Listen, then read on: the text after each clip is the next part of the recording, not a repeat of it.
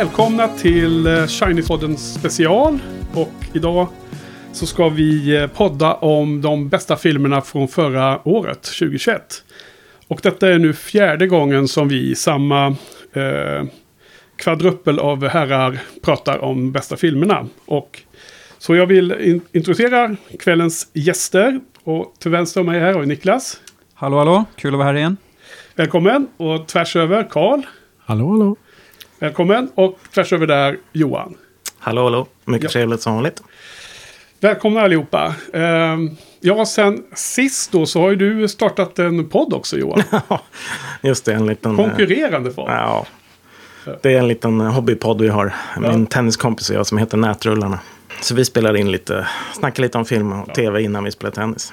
Helt enkelt. Ja, den lyssnar vi på.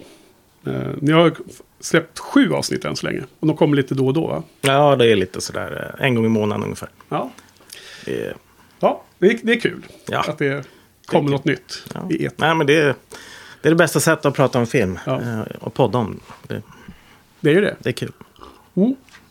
Och Karl då? Ehm, vid sidan eh, att vara med och podda här så är det inte så mycket annat podderi som pågår just nu va? Nej, precis. Men, Ehm, men du skriver. Ja, det är knappt alltså. Det är då, dåligt med content från mig. Ja, men du skriver ju på Letterbox ganska mycket. Ja, men det, även där det blir kortare och kortare. Ja, S- Svårt att krafsa ihop två stycken om allting. Ja, det var någonting jag och Johan här pratade om innan faktiskt. Vi drog igång att det känns som att blogg, bloggarnas, alltså filmbloggarnas era är lite över. Det blir färre och färre som fortsätter med det. Och, kommer, det är ju, det är inte, och podd är ju liksom nästa steg, men sen är det YouTube och sen är det ju Twitch eller allt vad det heter. Liksom, och TikTok och allt sånt där. Så vi är långt efter. Om man håller på med bloggning längre, som jag själv har. Dinosaurier som jag Ja. skrev. eh, Men, men kommentar. Asteroid is coming. Så. Det Det krä, kräver för mycket tankeverksamhet. Ja. Ingen som har tid med det längre. Mm. Och Niklas, ni har i alla fall, du har i alla fall poddat och sedan länge. Och nu, ska ni, nu har ni utvecklat konceptet och poddar mer om film och tv-serier också. Ja, vi har rebrandat vår eh, späckat podd. Och nu kallar vi den lite slarvigt för en nerdcast. Ja. Eller en nöjescast. Eller någonting. Ja, men jag tycker att eh, poddning är ju det bästa för det kräver så lite förberedelser. det är som när jag kommer till den här podden. Ja. Dåligt förberedd, men det brukar funka hyfsat ändå. Eh, ja. Ja, man, man, får hjälp av eh, de andra här, vi är fyra, så det är en stor fördel med att eh, vara ett litet gäng. Ja. Ja, nej, men jag tycker det är den perfekta mixen. Lite svårt när man är, som i mitt fall, aldrig spelar dataspel, att, att eh, verkligen eh, eh, vara 100% lyssnare på den podden. Men när jag Mm. hörde att ni började prata om, vilken film var det ni pratade om nu? Det var någon av de, av de senaste, var det Doctor Strange? Jag kommer inte ihåg. Det var någon av de här filmerna ni pratade om i alla fall som jag la märke till att nu har nu Ja. har det vaknat till liv. Mer ämnen. Ja, absolut. Ja. Men ni behöll namnet. Ja, det är ett så starkt eh, franchise. Det kan man inte släppa bara hur som helst. Med två C. Ja, exakt. Okej, så det här är alltså fjärde gången vi kör nu då. Och nu ska vi ta en liten recap som vi gjorde också senast. Ska se om ni, om ni igen kommer ihåg här. Vi, vi börjar med att vi poddade om de bästa filmerna 2016. Ehm, så det gjorde vi en bit in på 2017 alltså. Och eh, det året så var det en film som blev den överlägsna vinnaren och entydigt vinnaren ja, i den här kvartetten. Och det var ju, kommer ni ihåg vilken film som vann? Arrival, va? Absolut. De hade ju tre ettor. Från dig Johan, dig Niklas och mig. Men Karl då eh, eh, hade den inte ens med på topp 10. Eh, det stämmer. Eh, du är ju, eh, som vi väl känner till, inte lika förtjust i den filmen. Eh, men då var det alltså tre filmer som ändå... Det, det var det... Det var, eh, det var ingen film som var på alla fyra listorna. Och därmed vann ju Arrival. Sen eh, var vi, eh, hade vi dåligt självförtroende några år. Och återkom sen att podda om de bästa filmerna från två, 2019.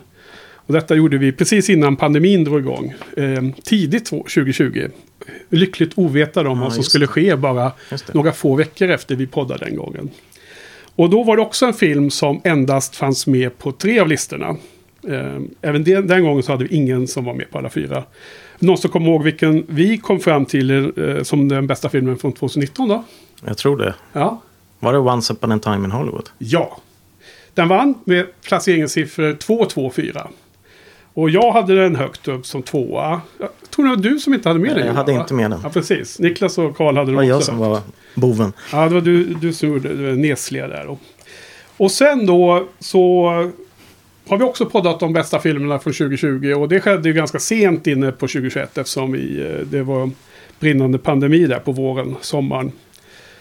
Och då eh, hade vi också en film som var på tre listor men inte fyra. Som var den nummer ett. Kommer kommer du ihåg vilken? Någon annan än Johan? 2020 års bästa film. Du Karl, borde komma ihåg. Jaså, borde jag det? Ja, Det var en lång titel. Har det, var Ja, du, du som hade den som etta. Den hade pla- placeringssiffror 1, 2 och 6. Konstigt att Ja. jag inte kommer ihåg den. jag Niklas hade den som tvåa och Johan som sexa tror jag. Ja, precis. I'm thinking of ending things. Ja, Ja. Ja. vad lustigt att det blev den ja. I'm thinking of ending things. Jättesvårt att komma ihåg det från förra året. Jättesvårt att komma ihåg filmen också, vad som hände. Ja, lite kanske. Jag hade sett den. Jag hade, jag hade sett den men den kom inte med. Nej. Känns fortfarande rätt i alla fall. Mm. Ja. Ja, Men det var en väldigt speciell film. Så nu är, nu är den stora frågan. Och som ni inte känner till. Eftersom det är bara jag som, som vet hur, ehm, hur det har blivit i årens lista. Ni har skickat in era respektive topp 10-listor till mig. ehm, individuellt. Så att ni vet ju inte sinsemellan hur det har gått. Jag har ju koll på allt eftersom jag har gjort ordning det här eh, poddprogrammet. Men, ehm, men ni har en stor hemlis. Så hur kommer det bli i år? Kommer det vara någon film som att vi äntligen, om man säger så, med, med quotes här i luften, hittar en film som dyker upp på allas, alla fyras listor. Det skulle vara spännande. En kvadruppel som jag skulle kalla det i så fall. Så det kommer vi till eh, i andra delen av podden. Det här är en dubbel poddavsnitt. Eh, första halvan kommer den här veckan och andra halvan nästa vecka. Första halvan så kommer vi prata om The Outliers. Och nästa vecka kommer vi i, i princip endast uppehålla oss vid Consensus Picks. Så, det här har vi då snott det här konceptet från uh, Filmspotting tror jag det är va? Mm. Med Outliers och Consensus Picks. Kan vi repetera det för lyssnarna? Är någon som kan berätta? Outliers eh, är väl sådana filmer som vi är ensamma om att välja ut. Det är mina filmer då som ingen annan har tagit, eh, antar jag. Ja, Och konsensus är, nästa vecka är filmer som är fler, med på flera listor. ja. Som är på två, tre eller fyra listor. Mm. Precis, så är det vi kör. Så generellt sett, hur har år 2021 års filmer varit då? då? Och då kom jag och Karl att tänka på det, eller jag tror det var du som lyfte det Karl, att vi avslutade förra poddningen om 2020 med ett eh, med, med stor eh, trygghet och säkerhet för att förkunna att vi visste att 2021 skulle bli mycket bättre än 2020. Var det inte så? Ja, jag tror att ni påstod det i alla fall. ja, ja. Vi hade ingen grund för det tror jag. Jo, Jo, jo, gr- grunden var väl att det var många filmer som hade blivit uppskjutna. ja. Och att nu skulle de då kunna ha premiär till slut. Mm. Det var, det var filmer vi såg fram emot som man hade flyttat på för att få maximal möjlighet till eh, försäljning. Så det var, jag trodde hårt på det. Men hur blev det då? Vad tycker ni? Hur har 2021 års filmer varit egentligen? Bara på generellt. Eh, men för min del, jag tycker det har varit ett bra år, eh, men in, inte ett fantastiskt år. Okej. Men i vanlig ordning så har jag inte sett allt jag har velat och jag har i, princip sett alla måsten liksom intryckta på en vecka. Nu här, in, veckan innan vi ska spela in för att jag har varit så stressad med annat.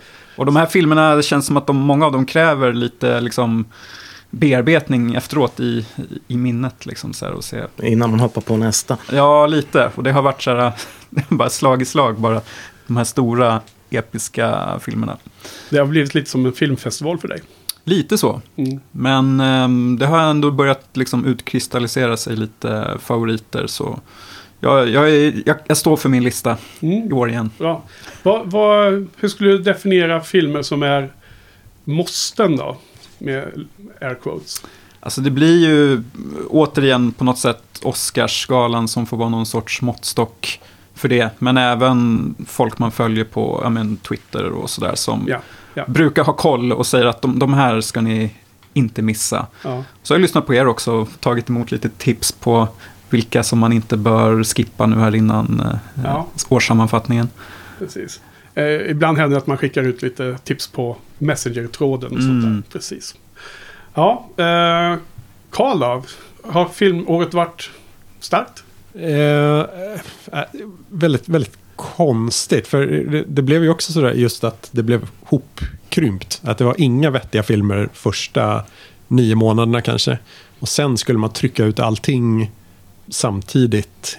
Och det blev, det blev svårt att eh, kunna se saker i vettig tid. Det var omöjligt att pricka biofönstret på eh, de flesta. Tycker Mm. jag. För att de hade vadå, premiär samtidigt eller? Ja, precis. Premiär gick ganska samtidigt. kort. Ja, och att biograferna var sådär lite småöppna. Det var väldigt få visningar fortfarande. Mm. Eh, och eh, ja, att pandemin var lite över och sen blev, blev inte riktigt så. så all, all, alla var lite nervösa. och Nya vågar. Och eh, man har ju tappat lite, eh, jag vet inte, traditionen att, eh, eller vanan att eh, gå på bio. Mm. Eh, Så bara att verkligen tvinga sig dit. Eh, och det är, de bästa filmerna behöver man ju nästan se där. Så, så det, Ja, och sen är det ju så att eh, många filmer går direkt till eh, streaming liksom också. Mm. Kommer på Disney Plus eller eh, HBO Max eller vad det nu är. Antingen eh, utan att ens gå på bio eller så kommer de inom, jag vet inte, 30 dagar. Mm. Så är de plötsligt där. Så det, ja, Ja, hela branschen har ju ändrat beteende och med all st- streaming och så kanske de släpper det på någon eh, väldigt eh, limiterad eh, släpp på bio. Mest för att få vara med i, eh, i Oscars och sånt där. Mm. Men, men eh, majoriteten folk ser den hemma. Det är en förändring helt klart. Och filmåret, eh, om det har varit bra eller dåligt då, vad tycker du Johan? Eh, jag skulle nog säga att det är ungefär, jag skulle misstänka att det kommer att vara ungefär lika som de flesta år. Ja, Eh, problemet är att jag har sett alldeles för lite. Jag har sett ovanligt lite. ja hur, hur kommer det sig då? Nej, jag, jag har liksom inte haft... Eh, jag, jag vet inte. Jag kommer liksom inte till skott. Av olika anledningar. Jag har liksom varit disträ. Jag vet Ja. inte om det är någon sorts pandemieffekt fortfarande på något sätt. Jag, jag vet inte. Det är för mycket Masterchef Australia. Ja, men alltså jag... ser- jag, kan, Ja, jag kan ju se hur många avsnitt av Masterchef Australia och Star Trek som helst. Jag vet Mm. inte hur många säsonger av Star Trek jag har betat av. Jag började titta om på Star Trek The Next Generation här. Och sen gick jag vidare till, till nästa. Och, ja. Ja. Nej, jag känner igen det där själv. Alltså, det är väldigt lätt att man hamnar i tv-serieträsket. Fast det är ju också väldigt hög kvalitet på många tv-serier. Eller det finns att hitta i alla fall om man bara vet vad man vill ha och sånt där, vad man gillar. Alla lider väl av en, en lätt depression efter, Ja, efter pandemin. Ja, Ja, och det där att komma iväg på bio, det är som Carl säger, det, är- ja, det är dåligt med det också. mm. Jag var, första gången jag var på bio var Dune faktiskt i höstas. Eh, sen pandemin började ja. Nej, alltså jag håller helt med. Jag, jag går extremt mycket mindre på bio nu känns det som. Nu, nu går jag och Johan och Marcus på de här Marvel-filmerna som kommer ut då. Det brukar bli IMAX. Och då, är, då går jag på dem mest för att det är så kul, eh, det sociala. Eh, gå och käka middag och sen gå och se en film. Eh, jag, skulle, jag skulle inte söka upp den liksom av samma skäl som man gjorde för 5-10 år sedan. Då det var mer av att man ville se vissa filmer på bion just för det du säger Karl. Att det blir en, kanske en totalt sett en bättre upplevelse. Men eh, nu så kanske man väljer lika gärna att se film hemma. Så det, om man ska vara helt ärlig. Eh, och det, det, det kräver något socialt utbyte för att gå iväg till bion. För min del. mm. Eh, Jag, jag tyckte förra för 2020 var väldigt svagt år. Men jag tycker 2021 har varit sämre. Eh, och nu har jag ändå sett ganska mycket. För jag fick ett ryck faktiskt. Jag tror att ni märkte det. Mm. Ehm, Ja, det märkte och, jag. och jag liksom tänkte att nu ska jag inte bara hamna i se massor med tv-serier. Så jag har fått backlog på det istället. Eh, och nu ska jag verkligen ge en chans. Jag har sett en hel del intressanta filmer. Men, men antalet femmor och fyror är mycket lägre än normalt sett. På ett, om man tittar tillbaka på de här bästa åren. Som var liksom för eh, under 2010-talet och även decenniet innan. Våra bästa år. Mm. Så det var bättre förr då. Mm. Ja, men, och sen personligen då kan jag säga, ska också ställa frågan till er så ni kan förbereda liksom, hur ni har haft, hur ni har skapat era listor och hur de har blivit. Liksom. Eh, Så för mig då har jag märkt att eh, det har varit jäkligt tunga år. Eh, rent av flera skäl, pandemi och annat. Och liksom nu har jag sex eller sju av filmerna på min topp 10-lista. är Liksom, handlar ju om sorg och saknad och är ganska tunga filmer. Och jag har liksom endast en film som man kan se som lycklig film egentligen. Och det, det tycker jag är ganska nedslående. Även om de är bra Mm. så känns det som beklämmande på något sätt. Och vad jag också gjort är att, jag vet inte om man har blivit sämre på, dels för att man ser filmerna hemma mycket mer, eller om det är något annat som har gjort att det har blivit svårare att verkligen bli helt uppslukad av filmer. Som, jag, som minnet säger att jag blev förr i tiden mycket oftare. Men nu har jag liksom på något sätt märkt att om jag valde att lägga på topp 10 sådana filmer som oftare har givit en sån där känsla att man bara försvinner i tid och rum. Man är helt inne i filmen. För att det har varit så ovanligt nu då de senaste åren. Så att på något sätt har det blivit en viktigare element. Och sen så har jag också gjort ett annat val aktivt. Jag har helt skippat dokumentärer. Så då kommer jag ta och eh, nämna tre bra dokumentärer i hedersomnämnande istället. Men jag har bara, det är det här klassiska, det här har ingenting med pandemin eller annat att göra. Utan det är bara det klassiska problemet att jämföra sorten av film, kategorin kateg- eh, dokumentärer mot spelfilm. Och det är så himla svårt så att jag bara orkade inte till slut. Så jag bara sköt dem åt sidan. Men det har funnits några riktigt nice dokumentärer det här året. Så att, så att det finns några man kan nämna. Får du göra en eh, separat topplista då? Ja, men den är lite kort på sidan. Det är ju oftast man ser en handfull. Så att, så. Jag kommer att nämna några bra som jag har gillat på, på mina hedersomnämnanden. Så hur har ni gått tillväga? Några problem att skapa listan? Några, några, vill göra några notes till lyssnarna? För att runt annat. Du var inne på att du inte har sett lika mycket Ja, jag har inte, nej, precis. Jag har inte sett lika mycket som jag brukar. Jag har väl ungefär tio filmer kvar, tror jag.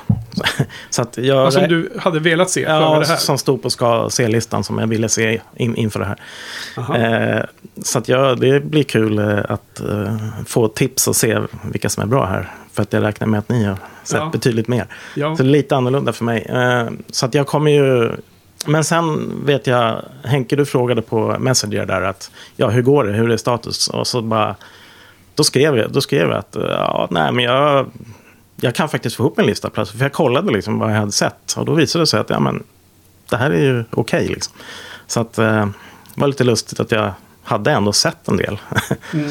Trots att jag inte trodde det. Eh, Men det är ändå någon form av intermediate-lista. Det är, det är som en, en, en, ja, det kommer att en, bli... en bit på vägen. Det, det- det är inte färdigt ännu. Det är ett snapshot hur det ser ut nu. Ja. Eh, och sen kommer jag faktiskt publicera en ny lista på bloggen. När det, som är min riktiga topp 10. Ja. Mm. Ja. Ska vi förklara för de unga lyssnarna vad en blogg är för något? Nej, Nej det var så kanske. På filmbloggen, ja. På Jojinito. Jag är nito, Om film. Om film. Ja. Kommer det. Karl, vad säger du då? Har det varit eh, några svårigheter att eh, komponera ihop din lista i år? Ja, det... eh, Förra året så hade jag lite roligare filmer också. Som eh, du sa att det är ganska mycket deppigare i år. Det finns ju inga härliga Jönssonligan-filmer i år eller eh, eh, härliga Adam Sandler-komedier. Ehm, och sen har det väl också varit just ett eh, bottenår för Hollywood. Så det har varit väldigt mycket internationell kvalitetsfilm som har gnagt sig in på listan. Det, det ja, sticker ut med eh, att det ändå görs ganska mycket bra film. Men att det är rätt mycket mer eh, kanske intressanta ämnen och välspelat än eh, några cinematiska Lite spektakel. smalare filmer då. Ja, eller vuxnare filmer. kanske. Ja, vuxna. Ja, ja precis. Okej, ja, vi får se. Du, du antyder att du kanske har hittat titlar som inte är, kommer dyka upp på allas listor direkt hela tiden, eller? Ja, kanske, men det, ändå kommer det finnas en hel del överlapp ändå, tror jag. Mm. Får se.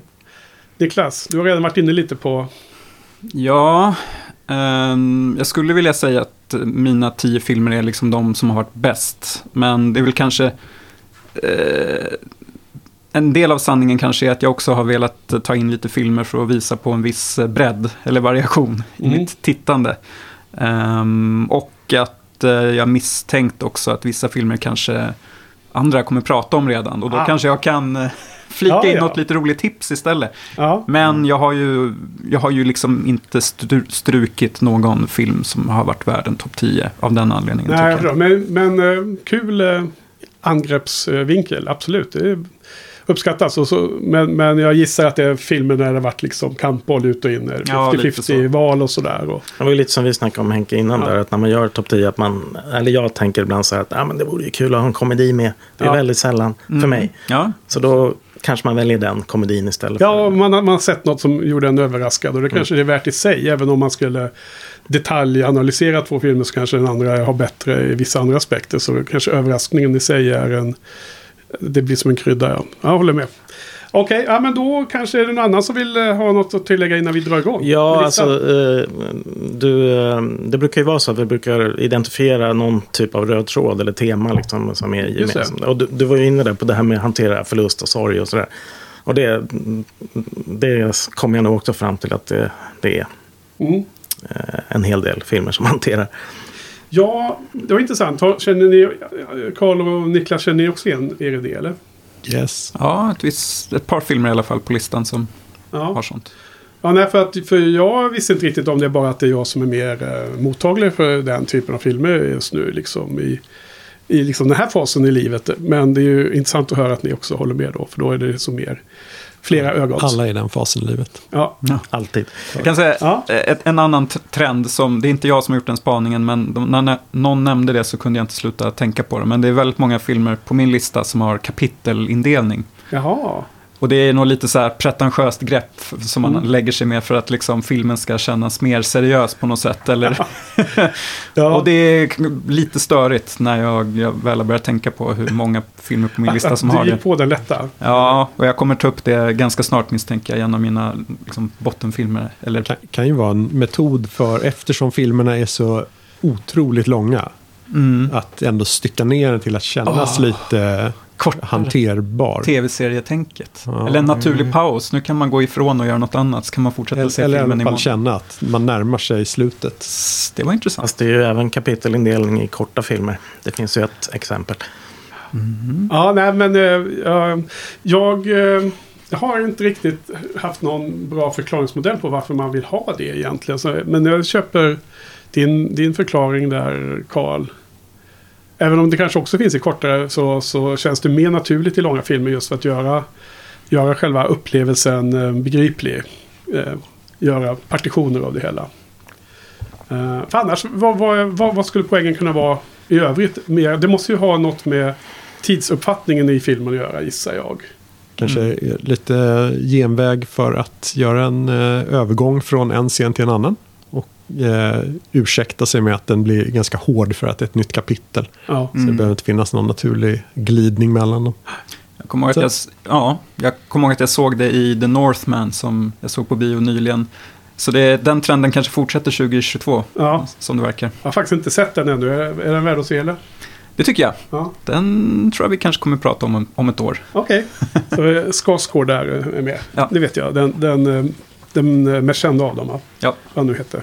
Annars var väl eh, en trend för året eh, var väl ganska många legacy sequels eh, än en gång. Eh, känns det som. Men jag gissar att inga sådana kommer dyka upp på våra listor. Kan du ta eh, ett exempel? Ma- Marvel-filmerna är väl sequels i någon mening? Ja, men jag, jag tänker som eh, Matrix eller Mm. Ghostbusters. Eh, Mm. Att man Ja. kommer 20 år för sent eller, Ja, eller. De efter å, återuppliva liken. Jaha, sådana, okej. Ja. Mm. Ja. Det är del 2 och 3 och så. Ja.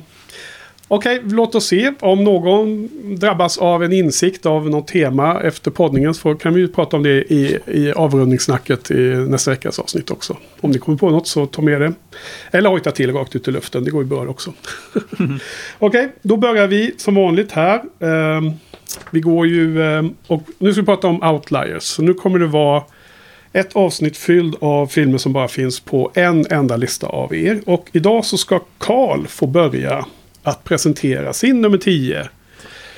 Vad har du på tionde platsen? Såklart. Ja, eh, nummer 10. Ja. Eh, av eh, Alex van Warmerdam. Eh, en av eh, få internationellt kända holländare. Ehm, som tidigare gjort till exempel Borgman. Mm. Kanske syntes för några år sedan. Ehm, Jag har aldrig hört Mm. Ja, men den, det är här den här, regissörens namn förut. Nej, inte jag heller. nej, Jag har hört talas om Borgman. Ja, det är inte eh, världens eh, främsta filmindustri kanske. Eh, förutom att man då har producerat Paul Verhoeven. Eh, kanske Jan de Bont, eh, stora namn. Men eh, ehm, Van Warmerdam är ju då eh, lite speciell. Gör eh, eh, lite småskruvade filmer, väldigt bizarr humor, bizarra rollfigurer som eh, eh, ja, bryter lite mot normerna. Eh, känns eh, passande holländskt. Eh, den här filmen, nummer 10, eh, handlar då om en eh, teaterregissör som eh, håller på med repetitioner av eh, någon pjäs. Och eh, så ja, sitter väl egentligen och trollar sina skådespelare lite. Eh, och eh, det är lite sådär passiv-aggressiva konflikter. Eh, och Mysigt.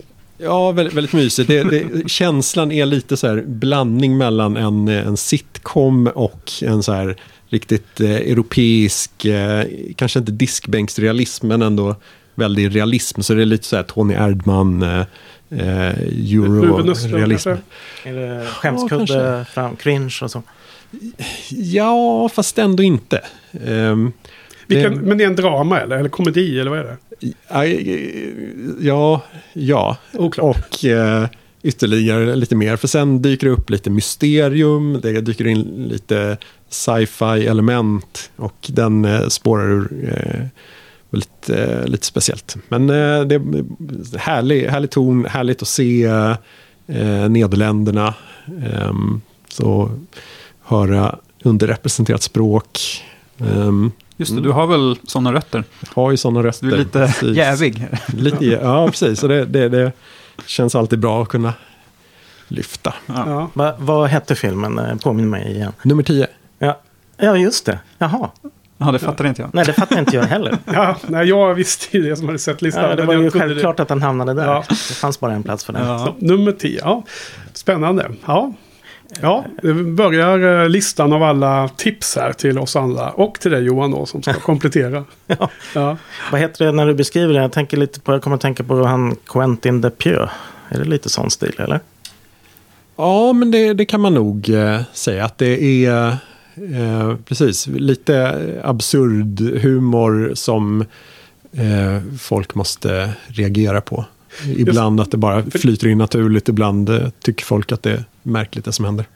Han som du nämnde, det- de, de brukar gå på filmfestivalen va? Mm, Eh, Rubber och sånt där. just det. de? Ja. Det här känns ju som en sån film som skulle kunna dyka upp. Tänker mig, det säger jag om alla smala filmer som jag inte har Ja. hört talas om.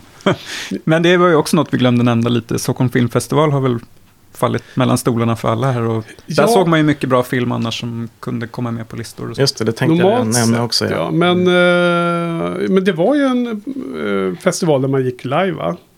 Det var inte bara bilder. Precis, den var- Jo, det var det ja. Du var väl på några? Exakt, Carl. jag såg nog fem stycken eller någonting på plats. Ja, jag gick inte på den alls. Varav två var bra.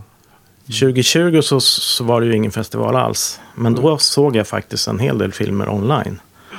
Men eh, i år såg jag ingenting. Nej. Nej. De hade ju fortfarande en del online. Ja, de hade ju det. Men jag hoppade inte på det den här gången. Ja. Ja, nej, spännande. Eh, lite svårt att greppa filmen, men jag gissar att det är dess natur. Som, och du vill inte spoila för mycket. Så är det, exakt. Mm. Så lite spännande tips för de som eh, blir nyfikna. Kommer vi till Niklas nummer 10. Eh, också bara på en lista. Din tionde plats Niklas. Ja, jag har ju gjort lite tradition av att ta med på Dokumentärer. Eh, kanske kommer sen. Nej. Eh, men i, i det här fallet så är det väl lite mer av en guilty pleasure. Förra året så hade jag Greenland med Gerard Butler på min tionde plats. Och nu har jag en actionfilm med Jason Statham, eh, Wrath of Man. Ja, just det. Som eh, ju har regisserats av Guy Ritchie. Eh, Eh, och jag eh, har ganska svårt för honom i vanliga fall med de här, hans eh, crazy characters och att han typ försöker göra om eh, Snatch igen typ. Men det, det blir ju bara en sämre version av det tycker jag. Men det här tycker jag inte riktigt känns som en Guy Ritchie-film. Det här tycker jag mer...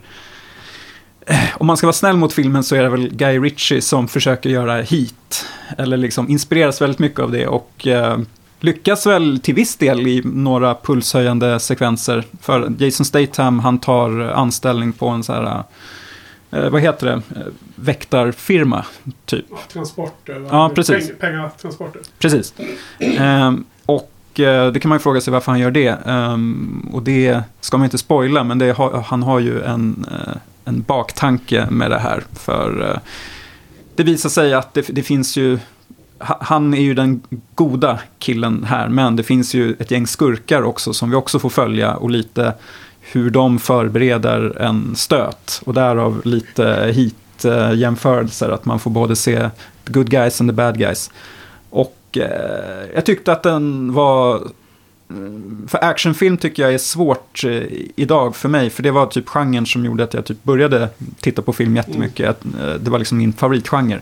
Numera så är det väldigt sällan som jag ser något som jag gillar. Eh, och när det kommer någonting som jag ändå rycks med i, då, då blir det automatiskt att det får en liten extra skjuts eh, och tar sig in på listan. Eh, det låter ju, det är ju inte hit-klass på det.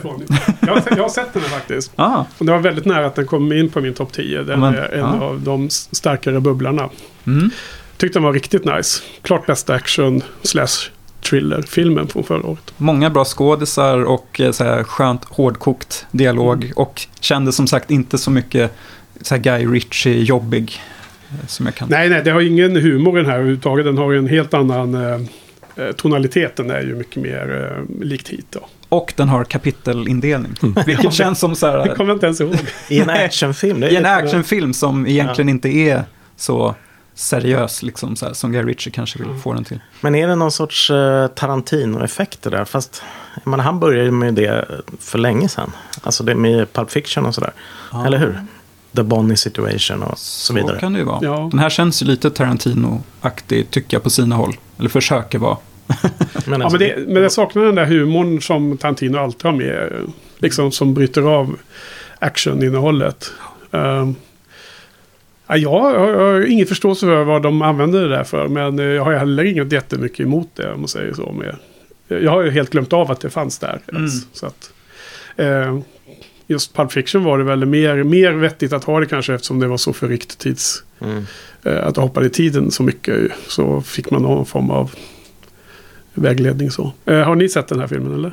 Nej, verkligen inte. Nej, verkligen inte. Nej, jag, eh, ja, Nej, jag har inte sett Den är riktigt bra faktiskt. Jag, Ja. Som sagt, den... eh, Ja, bubblar. Det blev uh, hit men inte längre. Nej, så var det ungefär. Okej, då får vi gå vidare. Och nu kommer vi in på nionde placeringarna. Och det Johan, då ska du presentera din nummer nio här. Som du har på din lista.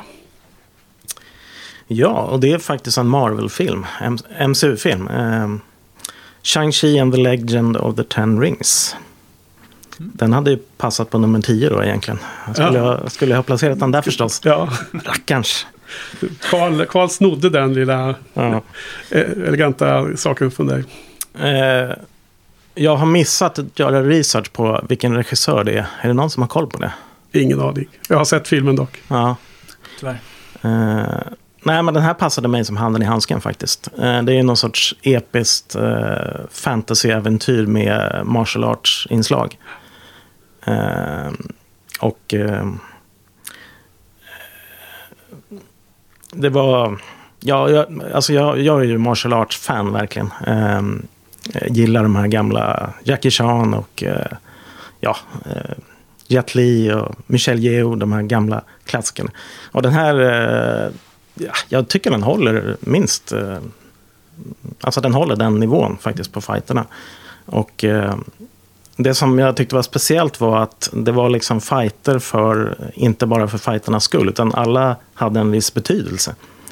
Ja, ingick i karaktärsbyggnad eller handling. Exakt, det utvecklade handlingen och eh, figurerna, eh, vilket är ganska ovanligt. Det var liksom kärleksfighter, eh, utbildningsfighter, försoningsfighter och så vidare.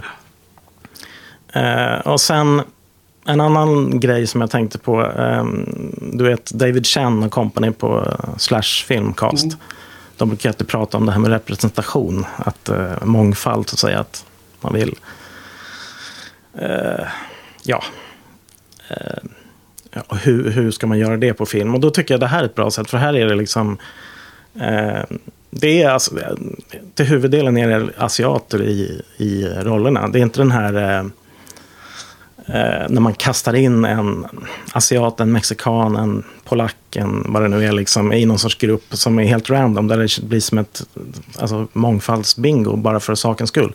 Utan det är bättre att liksom göra det naturligt. Eh, så att man, ja, typ som i, jag tänker på den här Pixar-filmen Coco, liksom, där det är, ja, den utspelas i Mexiko och det handlar om det. Och här är det eh, Kina och då handlar det om det så att säga. Eh, Mm. Ja, det blev visst eh, viss kontrast mot eh, eh, Doctor Strange där man väl fick ganska mycket kritik för att man slängde in eh, Tilda Swinton. Ja, precis. Tilda Swinton som en någon eh, Grandmaster. Mm. Och eh, innan det kanske, eh, vad var det? Iron Man 3 kanske. Med The Mandarin. Ben Ja. Kingsley. Ja, för du, du, har, inte- du har inte sett den här va, Shang-Chi? Jo, absolut. Och jag tyckte också att den var jättebra. Den eh, kunde nästan letats in på eh, min lista också. Åh, där är Och, jag, konsensuspick. och, också också eh, Wusha-fan sen tidigare. Ja. ja, exakt. För att han, eh, jag har också sett den. Eh, och han återkommer ju där. Eh, The Mandarin. Ja, han Mandarin, eller han Ben. Kingsley, han var ju Ben- jätterolig här. Han var superrolig. Det var ju filmens höjdpunkt för mig tyckte jag. Ja, det kan hans jag kan nästan hålla med. humoristiska inslag där. Ja. Och hans lustiga djur, eh, magiska djur han hade där. Ja, Just det, den där Ja. utan huvud. Ehm, ja, ehm, vad heter det? Nej, men jag tyckte att den var ganska rolig när jag såg den. Men eh, det är fortfarande så. Jag gillar ju MCU jättemycket som ni vet. Eh, men jag har ju också en stor range. Eh, jag, brukar alltid säga det när folk eh, tror att jag bara gillar allt med hull och hår. Så är det ju alla betyg på skalan har ju delats ut. Och multipla, liksom, i flera ettor och, så vidare. Och det är och, inte så många femmor egentligen, men, men jag gillar det generellt sett. Men jag, jag tycker att fas 4 har varit under all kritik. Så nu har jag ju helt tappat eh, geisten. Nu är jag ju som, som jag nämnde, jag går, på, jag går ju på de här filmerna trots allt och betalar pengarna. Men det är ju mest för det sociala. Det har blivit en tradition nu nästan med Johan och Marcus. Så, så vi gick ju och såg den här och jag tyckte den var ganska underhållande och så. Men den är ju lätt på under halvan av Marvel-filmen för mig. Så jag, jag var inte... Alltså, den, den var ganska kul men den... Jag vet inte vad det är riktigt som saknades. Det var... Eh, nu är jag inte jag heller en stor fan av... Jag har liksom inte uppväxt med att ha sett kung fu-filmer och de här grejerna. Och liksom blir inte så här får inte pepp av de här eh, actionsekvenserna när de fightas. Mm. Eh, jag kommer ihåg att de var uppe i någon ställning och jag kommer ihåg att de åkte på en tunnelbana och så här. Det, det fanns olika fighter som Ja, jag... buss var det. En buss, okej. Ja. Som man liksom, jag inser att det här gillar man nog, man gillar den typen av filmer väldigt mycket. Men det är liksom, säger inte mig så mycket. Det är ungefär likvärdigt med en alldeles för lång biljakt liksom. Där jag också bara, man sitter och väntar på att det ska komma fram så, man, så, att, så att filmen kan fortsätta nu liksom. Så, så därför så kanske den inte var riktad för mig då. Har du sett den? Nej, Jag, jag ligger efter med mitt eh, MCU-tittande, trots att alla finns på Disney+. Plus. Men jag har inte sett Black Widow, den här, eller Eternals. eh. Men det är som jag håller med dig, jag tycker inte att det jag sett efter Endgame har varit eh, Mm. ganska dåligt. Ja, och Eternals var den sämsta filmen i hela filmserien. Så det, Faktum är att ja, den hade nästan kunnat komma in på listan. Jaså? Ja. På grund av ett svagt år eller? Ja, dels Vilken att den är Eternals. nej, du skämtar. Nej, jag skämtar inte. Den var inte så dålig tyckte jag. Ja, det är verkligen Ja, men- olika åsikter då. Ja. Men sen har jag inte sett så många filmer så att den, den hade ju förmodligen inte haft en chans överhuvudtaget om jag hade sett de här tio som återstår. Mm. Men den här Shang-Chi kändes ju inte särskilt mycket Marvel-film utan att det är en martial arts-film. En Ja. klassisk sån. eh, Tony Lung och Michelle Yeoh är med Mm. också. Eh, som man bara har klistrat på lite Marvel-grejer ovanpå. Ja. Ja, precis. Mm. Ja, men David Chang och de blev nöjda i alla fall. Ja, de var nöjda. Ja, det var bra. Ja, jag med. Ja, ja det var härligt. Det är variation. Den var nominerad för Oscar i eh, Visual Effects, men vann nej. Då kommer vi till nästa nia eh, som vi ska prata om idag och det är din Niklas. Ja, nu Jojje så kommer dokumentären. Eh, Nu kommer den. Ja, jag blir li- lite nervös när Henke säger att de ska listas separat. Nej, nej, det var absolut inte en Nej, jag- instruktion. Det jag var skojar mer eh, eh, hur jag Ja, har valt att göra det. För att jag, det blev för mycket brain freeze och eh, jag blev helt blockerad för att få in dem på rätt plats. ja. Jag, jag misstänker att eh, den här kan vara en av de tre. För jag vet att du gillar den, men det är i alla fall The Rescue. Mm, den är absolut en av de tre. Ja, kanon. Det, det handlar ju om det här thailändska eh, pojklaget, fotbollslaget som fastnar i grottorna som blir översvämmade. Och nu får vi följa räddningsinsatsen då. Eh, och de som har regisserat den här, eh, jag kan inte namnen på rak arm, men de gjorde den här eh, Free Solo. Om Mm. den här bergsklättraren som var ju hisnande. Och den här filmen, det är väl, eller dokumentären, är väl ett bra exempel på mänskligheten när den är som bäst. På Mm. något sätt. När man kan uträtta fantastiska saker tillsammans med experter från hela världen. Det är ju några sådana här, så här avdankade dykare från eh, Storbritannien som liksom flygs in till Thailand då för att eh, hjälpa de här pojkarna. För att de är liksom de enda i hela världen som har kompetensen när det gäller att dyka i sådana här trånga utrymmen. Eh, Så bara en sån grej, att det är som de sätter ihop ett team som en sån Mission Impossible så här, liksom, från Mm. hela världen som ska komma in och lösa det här. Och även om man vet liksom, utgången, eh, hur det gick för de här pojkarna, så är det otroligt spännande och eh, väldigt klaustrofobiskt när man är inne i de här grottorna. För det blandas ju liksom, eh, autentiskt material och eh, vad säger man, Rek- Dramatiserat. dramatiserat som de har filmat i någon tank i England tror jag. Reenactment. Ja, reenactments, precis. Det var det, du- det var det du sökte va? Ja, det var det jag sökte. Ja.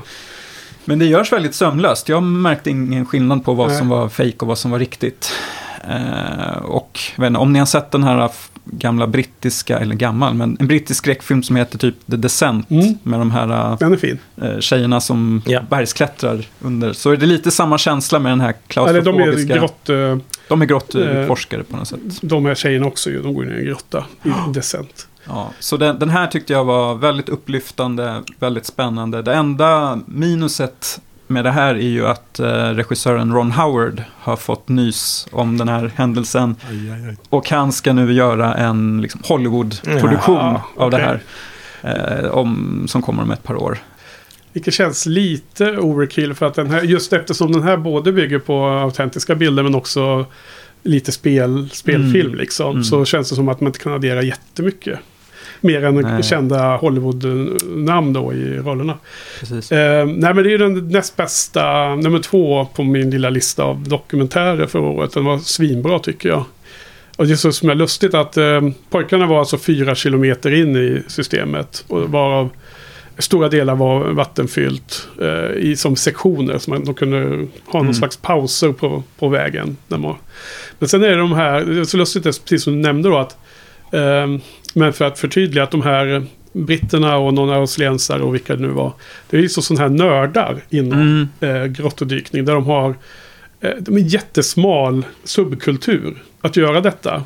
Och de har liksom byggt sina egna utrustningar. För det finns liksom ingen...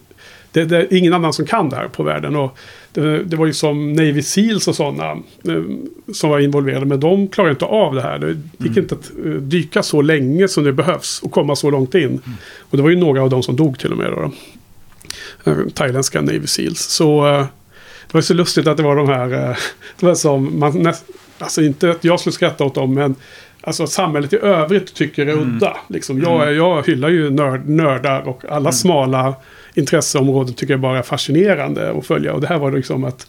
Det är som verkligen deras eh, tid i eh, rampljuset. Eh, men också ganska lite så här... Eh, lite eljest personligheter och så som var också kul att följa. Nej, jag älskar den filmen. Har ni sett den? Nej. Nej, dokumentärer går bort. Ja, jaha, gör det. Nej, men Finns den- på Disney+, Plus så det är Ja. liksom ingen svår film att hitta. Nej. På det sättet. Ja, och även Free Solo är ju väldigt bra. Kan man Ja, också den titta på. Mm. Och han där som den filmen handlar om tror jag har slutat klättrat nu efter en olycka. Ja, okej. Skö- sk- Eller ja, jobbigt med olyckan, men bra att han inte klättrar längre. Mm, att eh, han inte har slutat av en annan orsak. Ja, exakt. fallit ner. Okej hörni, vi ska ju ha några få eh, musikaliska eh, breaks här i, eh, i podden. Och nu så ska vi ha en liten musikunderhållning eh, som kommer från den film som vi ska prata om härnäst. Så låt oss eh, höra på lite musik så ska vi berätta vilken film det är alldeles strax.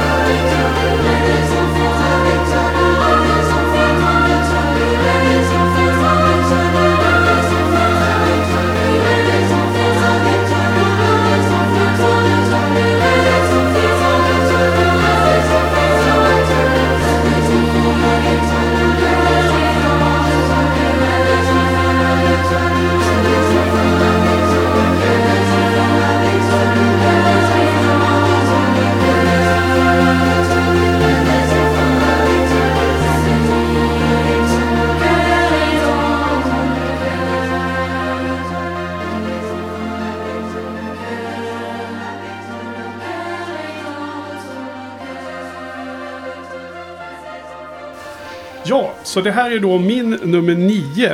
Som jag är den enda som har den här filmen. Och det är den här eh, Petit Maman. Av eh, Céline Skamma. Eller hur kan du uttala det? Någon som vet? Mm, jo, men det är rätt. Eh, Hon var ju väldigt känd här om året när vi gjorde den här filmen Portrait of a Lady on Fire. Eh, Det här är första filmen jag har sett av henne. Eh, Det är hennes femte film. Och det är en eh, liten film på alla sätt och vis. Den är väldigt kort. Drygt en timme eller drygt en och tio tror jag den är. Men också liten i, eh, i skala liksom och eh, omfång. Eh, det här är inte en stor Hollywood-produktion. Eh, alla Roland Emmerich direkt. Utan det är extremt få skådespelare och väldigt liten eh, lokation och så. Eh, en film som bygger på sån här magisk realism, ni vet. Och som handlar om eh, sorg och saknad. Eh, och om eh, eh, någon slags mystisk sekvens i en liten åttaårig flickas liv. Och eh, egentligen så behöver man inte veta så mycket om handlingen.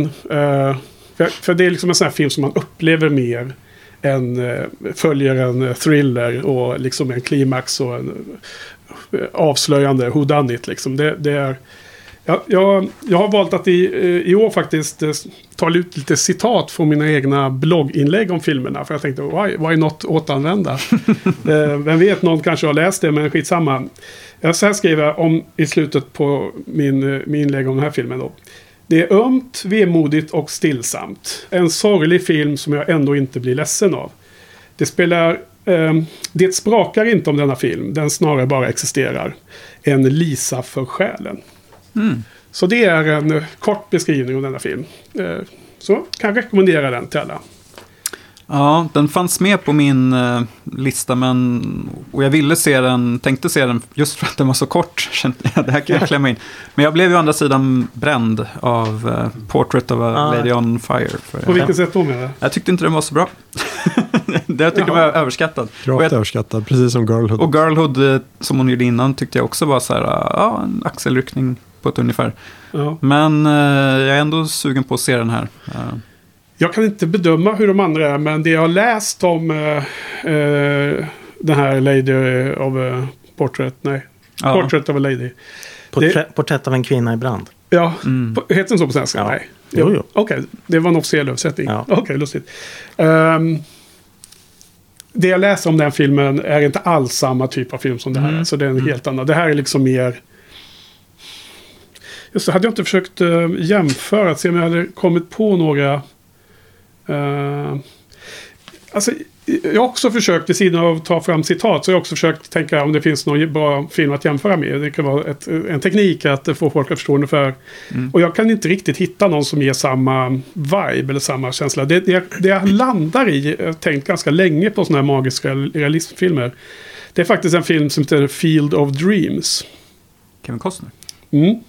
Om baseball. Eh, det är en ganska känd film. Kan det vara tidigt 90-tal eller sånt där.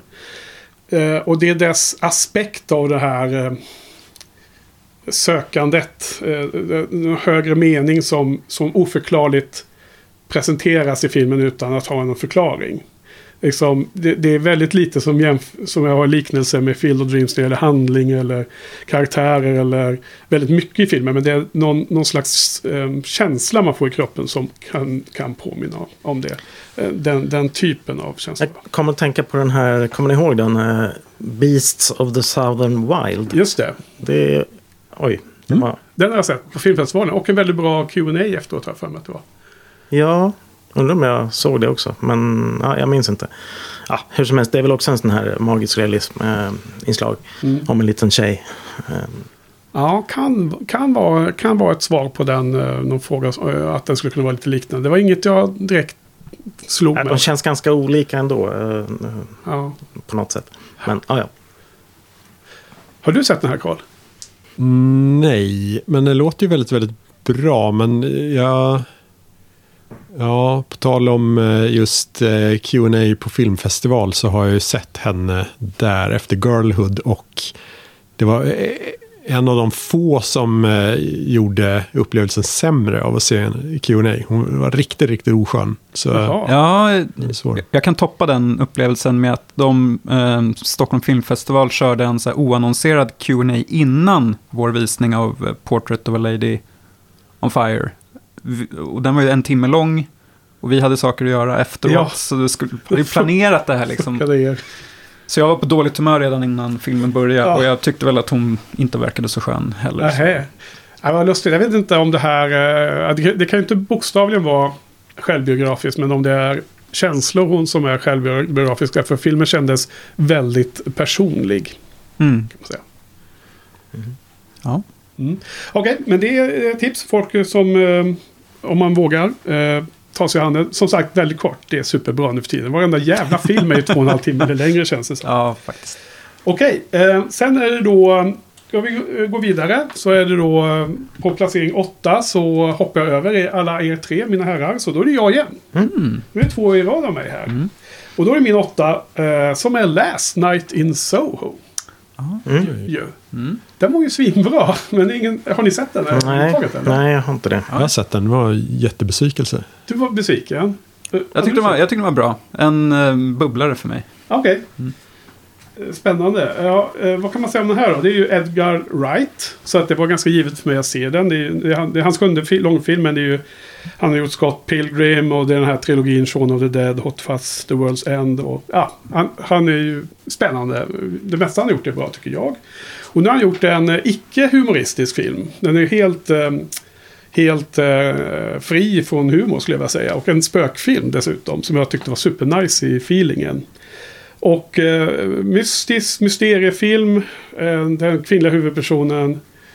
Hon flyttar från landet in till London för att gå sån här designskola och, och rita eh, klänningar och sånt. Och sen om, om kvällarna så förflyttas hon till 60-talet. London 60-tal. Mm. Eh, tycker jag är superhärlig eh, miljö och beskrivning av London på 60-talet. Stämningen där. Och det är liksom lite som en blandning av Midnight in Paris. Ni vet den Woody Allen-filmen. Med eh, Owen Wilson. Eh, Looper. Skulle jag kunna se vissa likheter med. De hoppar omkring i tiden.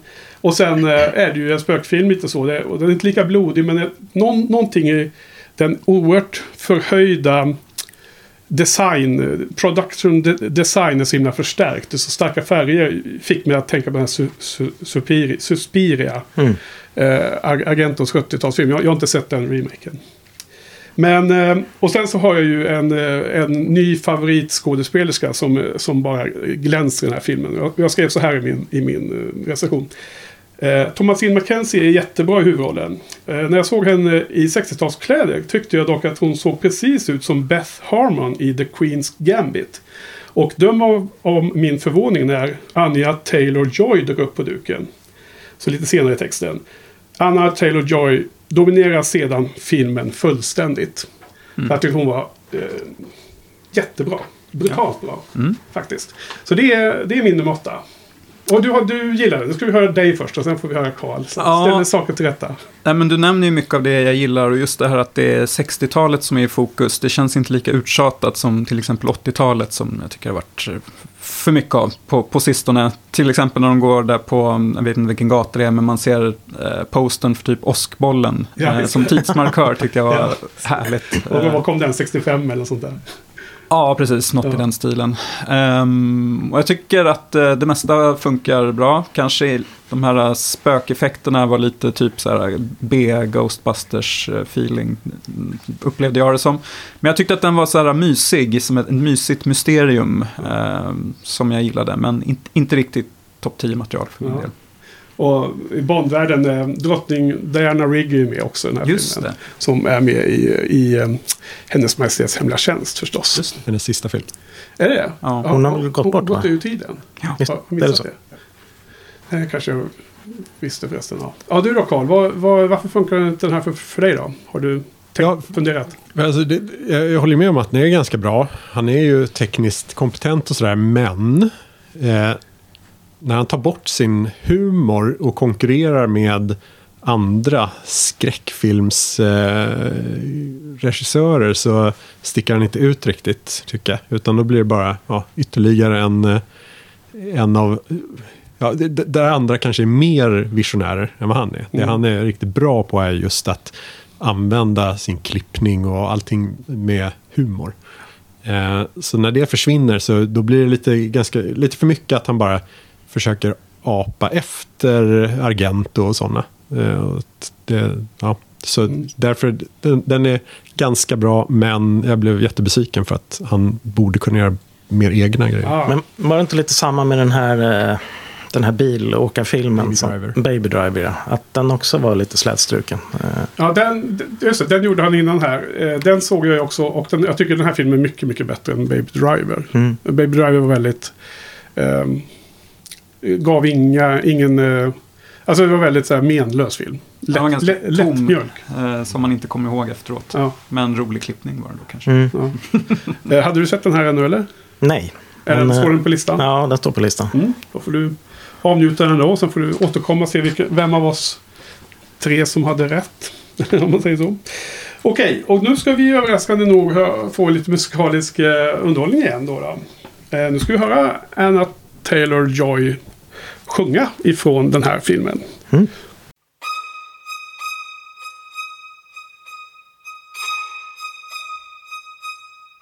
You're my world,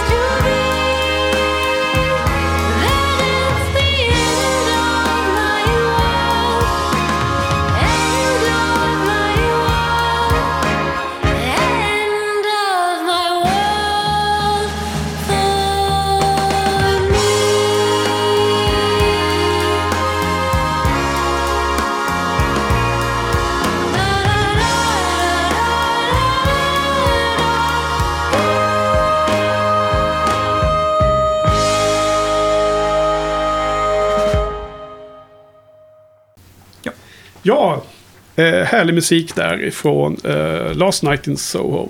Nu kommer vi till sjunde placeringarna och här blir det eh, många filmer att avhandla. Eh, här kan man säga att eh, det här, de har jag skrivit där, de tunga filmerna från vårens Oscarsgala har klumpat ihop sig lite, lustigt nog.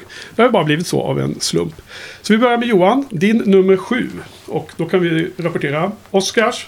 Fyra nomineringar, ingen vinst, men nominerad för bästa film, bästa original screenplay och två till. Bästa originalmanus alltså. Ja, det var väl de flesta överens om att det var den inte värd. Känns det som. Ja, Det är en ganska omdiskuterad film som, som eh, inte så många gillar tror jag. Men eh, det är alltså Don't Look Up. Eh, och den är ju skriven och regi- regisserad av Adam McKay. Han gjorde väl tidigare den här The Big Short va? ja. Som jag inte var så speciellt förtjust i men som många andra gillade. Och nu gillar jag den här mer än vad många andra gör.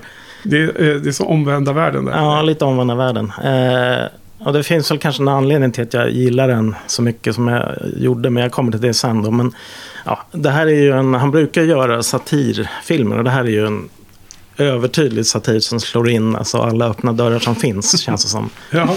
Eh, och man kan väl, man kan väl eh, säga att alltså det skulle väl kunna handla om vad som helst egentligen. Men det är väl klimatkrisen, det är väl många som har dragit upp att det ska vara en parallell till. Här är det istället då en komet som kommer mot jorden. Och, eh, jag gillar ju det här upplägget med forskarna som vet vad som pågår och försöker förmedla det till eh, resten av världen och framförallt då Meryl Streeps eh, amerikanska president.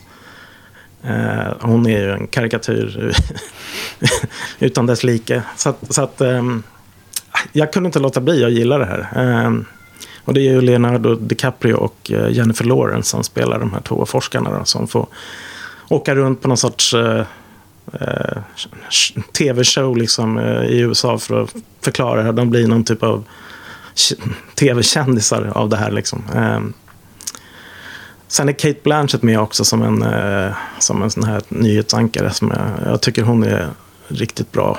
Eh, hon har ju förresten med i en annan film som jag har på min lista. Så hon, hon har haft ett bra år. Mm. Eh, men anledningen till att jag fastnade för den här det var att jag, jag såg den här under en period när det var väldigt kaotiskt på mitt jobb. Där eh, det skulle ändras i organisationen, vi fick nya chefer och det var kaos. Och eh, ja, vi i våra team hade problem med att eh, se hur det här skulle funka. Och ingen lyssnade och det var liksom... Så att eh, det gjorde att jag, jag kunde liksom ja, tjäna lite extra. Eh, Eh, Var det att ni, du kunde eh, känna att ni hade en eh, Meryl Streep slash Donald Trump som ledde eran Och du, och du var Leonardo DiCaprio. ja, ja. det finns ju sämre att känna, Ja, känna som sin... Eh, ungefär så var det. Ja, så att jag, hade, jag hade riktigt roligt Mm. eh, under den här filmen. Eh, jag gillade avslutningen också. Den här eh, sista scenen när eh, Meryl Streep möter sitt öde. ja. Ja. Eh, ja, har ni, har ni sett den? Vad, Jag har sett den. mm, ja. Inte. Inte Nej. Karl. Oj. ja, jag har sett en film som Crazy Karl. annan inte har sett. Väldigt omtalad. ja. Nej, men jag, eh, jag passar in på den eh, andra gruppen du beskrev. Eh, vad hette den där förra? The Big Short. Mm. The va? Big Short. Eh, jag tror att den kom på min topp 10-lista det året. Vilket det nu var. Eh, men jag tyckte att den här var ganska kul de första minuterna. eh, kanske en, en bit in. Men sen så när man upptäckte att det bara var ett enda skämt i hela filmen. Då, då blev jag bara mer och mer bestört och sen uttråkad och sen ganska irriterad på hela filmen faktiskt. Så det var min eh, upplevelse av det. Du då? ja, jag kände väl lite så. Jag blev inte irriterad, jag var mest så här typ, ja men det här var väl helt okej. Det var inte så dåligt som jag hade hört på förhand. Många kända ansikten som gör att det liksom är sevärt på något sätt. Men som du sa Jojje, det är mycket öppna dörrar som McKay sparkar in och det känns som att han, jag vet inte. Det var definitivt inte topp 10 material Nej. för mig tyvärr. Nej, det visar väl att jag... Ja, Ja. vilka filmer som kommer in på min lista. ja, att jag, eller- inte, eller att jag inte har sett så mycket då. Ja, eller så visar det någonting som jag var inne på, men inte kanske beskrev i, i de orden. Att det visar på hur viktigt det är ens egen state of mind och hur man upplever filmen i stunden. Mm. Hur samma film kanske för oss alla. Man ser en dag superfilm och sen hade man sett den två veckor senare eller tidigare så hade man inte alls funkat för det var helt andra Mm. Något annat som hände i huvudet då. då. Så att det, kanske bara var en lycklig här, träff. Men jag håller med om att Kate Blanchett är jätterolig i den här filmen. Eh, jag tycker oftast hon är ganska kall och eh, stel. Mm. eh, men tekniskt duktig. Men hon var väldigt underhållande här. Och, medan jag då tyckte att de flesta andra var ganska mm, mähä. Förutom då, vad heter hon, eh, Lawrence, Jennifer. Jennifer Lawrence. Ja, hon var ju extremt dålig tyckte jag. Hon var, hon var alltså direkt dålig tyckte jag i den här rollen. Jag vet inte, hon kanske inte kan det här riktigt med att spela komedi på, på ett naturligt sätt. Hon kanske tar, tar, tog i för mycket på något sätt. Jag vet inte. Ja, det var något där. Men jag måste bara nämna sen, alltså ett, ett plus är ju att Wu-Tang Clan eh, är ju med och, eh, i, inledningen. Jaha. Jennifer Lawrence sitter och lyssnar på musik på sitt jobb och rappar med i låten. Lite som eh, Michael Bolton i Off- Office Space. Ja, Och det, är, det blir ju plus det direkt. gillar du. Ja, Du har hört en och annan hiphop-låt i lurarna Ja. på jobbet eller? jag har gjort det. Ja, ja, precis. Ja, men det är sådana saker adds up liksom, så jag förstår. Okej, då går vi vidare med den enda sjuan som inte var med i Oscarsracet, Karl. Eh, så vitt jag har eh, läst på i alla fall. Nej, Så Karls sjua. Ja, precis. Men det är ändå en, en eh, internationell eh, film. Eh, rumänska Miracle. Eh, jag tänker inte nämna regissör, för det, han har inte gjort så mycket annat. Eh, det är ingen som vet vem det är. Gissar svårt namn att uttala också. Nej, det vet jag inte. Men eh. Ehm, det, eh, som sagt, han har inte gjort något som någon har sett tidigare, men det är ändå en film som är väldigt bekväm i den här nya vågen från Rumänien. Eh, sånt som eh, Christian Mungiu och sådana. ehm, som har Någon gjort social, kvalitetsfilm. eh, social kommentar.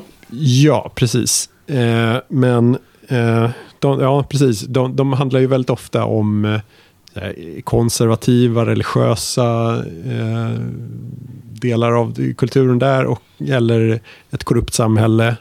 Ehm, och den här är väl lite annorlunda där. Eh, håller inte på och petar i hur korrupt eh, Rumänien är, utan här finns det eh, poliser som eh, försöker lösa brott, eh, till exempel.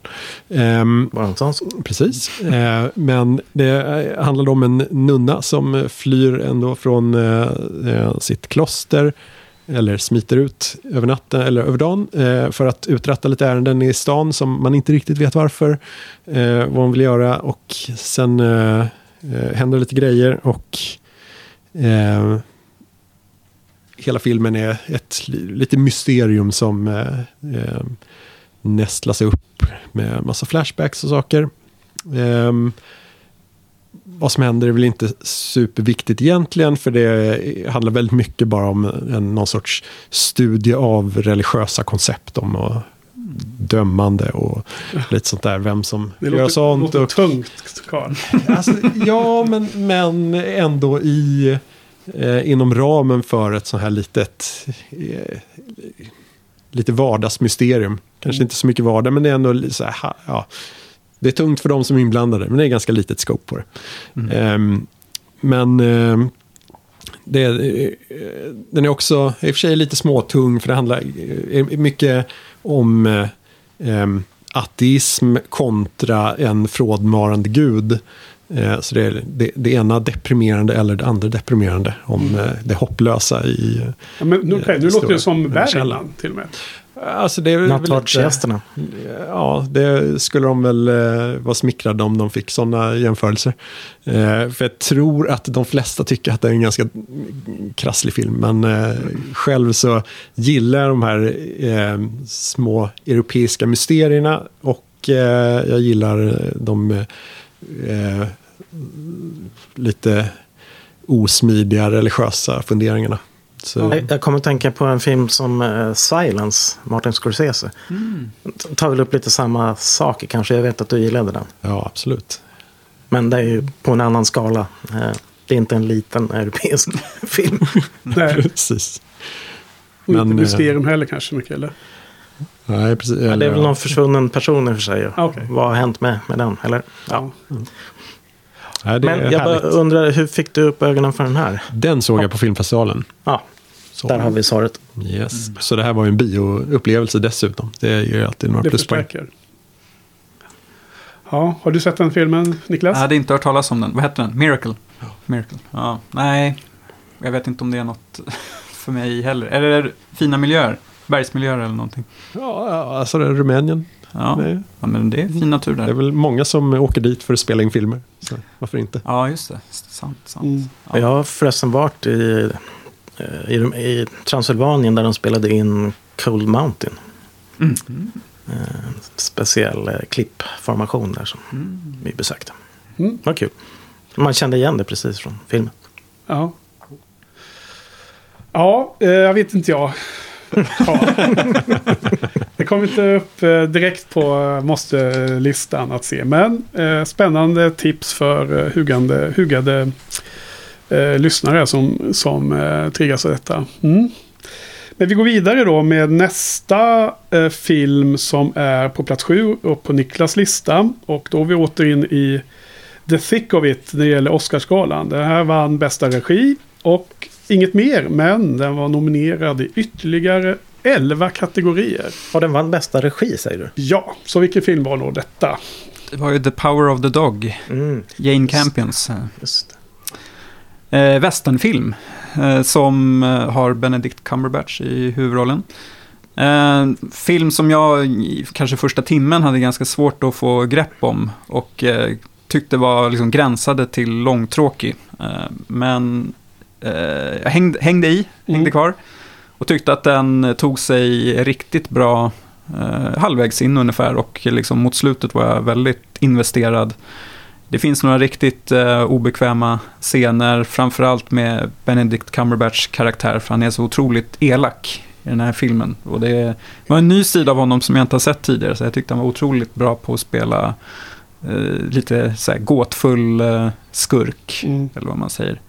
Sen så blev det ju lite backlash kring den här filmen där, när Sam Elliott, den här gamla västernskådisen eh, som varit med i lite diverse filmer, eh, tyckte att det här var en, eh, han sa väl inte rakt ut, men det var en, en jävla bögvästern. typ så här. Och, eh, det, det här är ingenting som westerngenren står för. Men det är väl lite det som jag tycker var uppfriskande med den. Den är ju inspelad på, i Nya Zeeland eh, Mm. till exempel. Så det, det är ju någonting som känns lite eh, liksom, Och det, det var typ spiken i kistan för Sam Elliott också. Att den, Ja, den var inspelad i Nya Så Zeeland. gör man bara Mm. inte.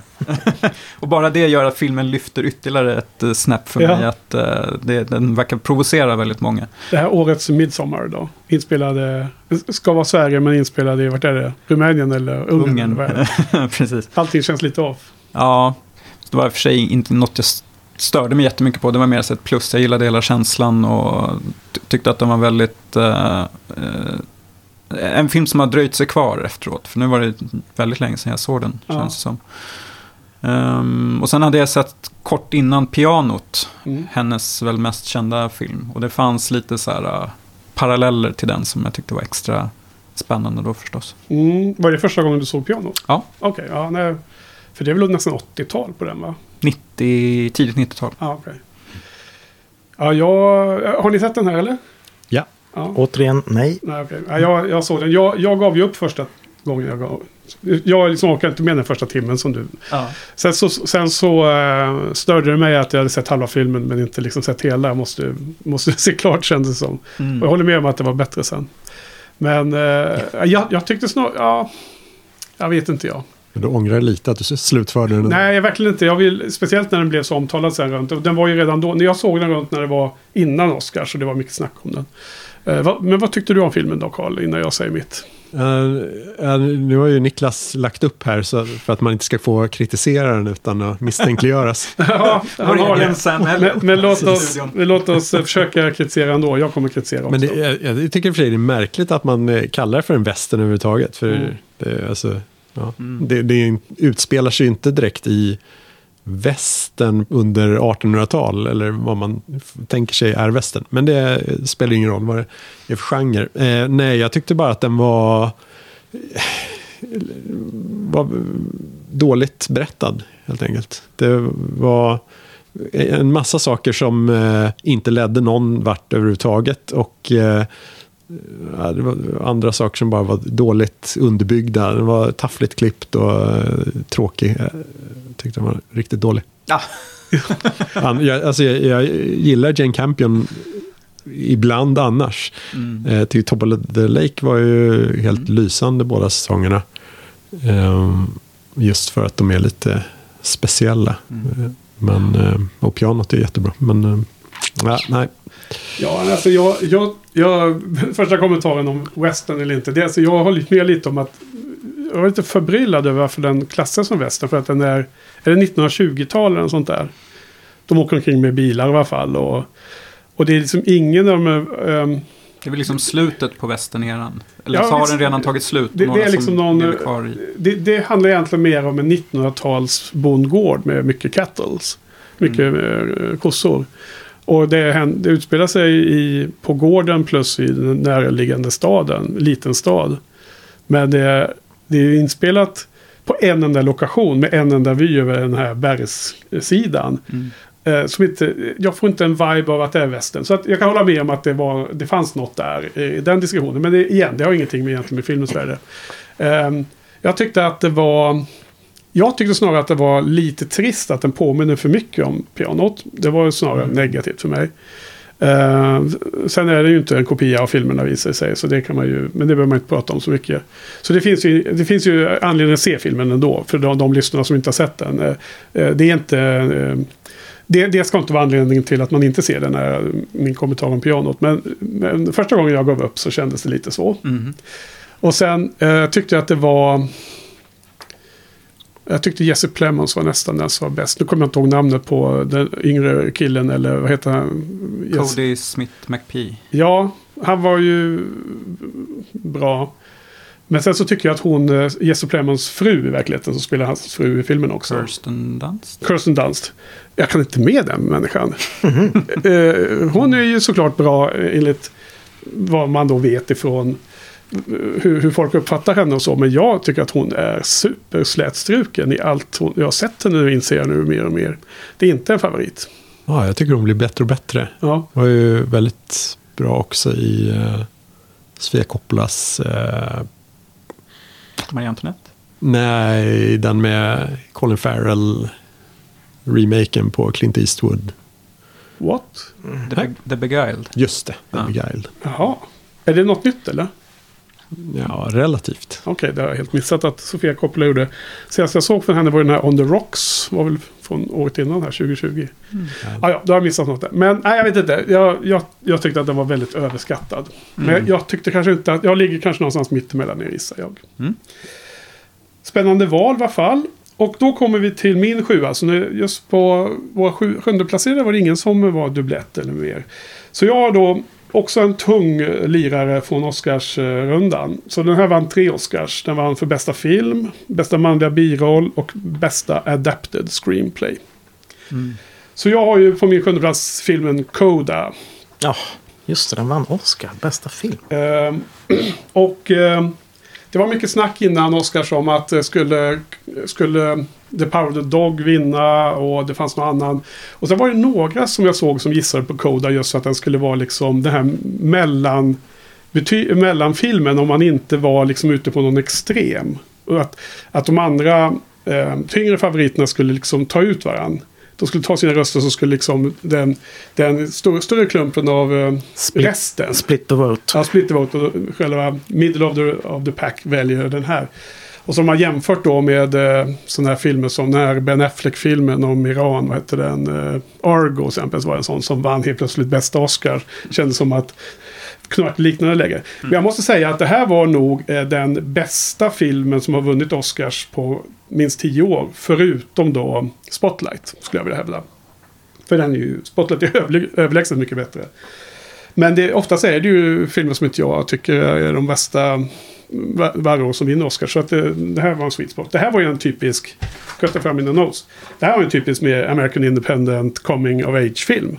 Som bara har en speciell set, eh, setup, nämligen det handlar om en tonårstjej som lever i hennes familj, mamma, pappa och storebror. Var alla är ju då eh, döva. Men hon är ju då talande. Hon har ju fötts med, och inte är döv.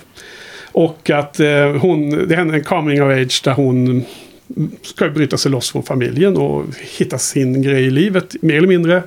Och pro problemet då som är källa till eh, dramat i filmen.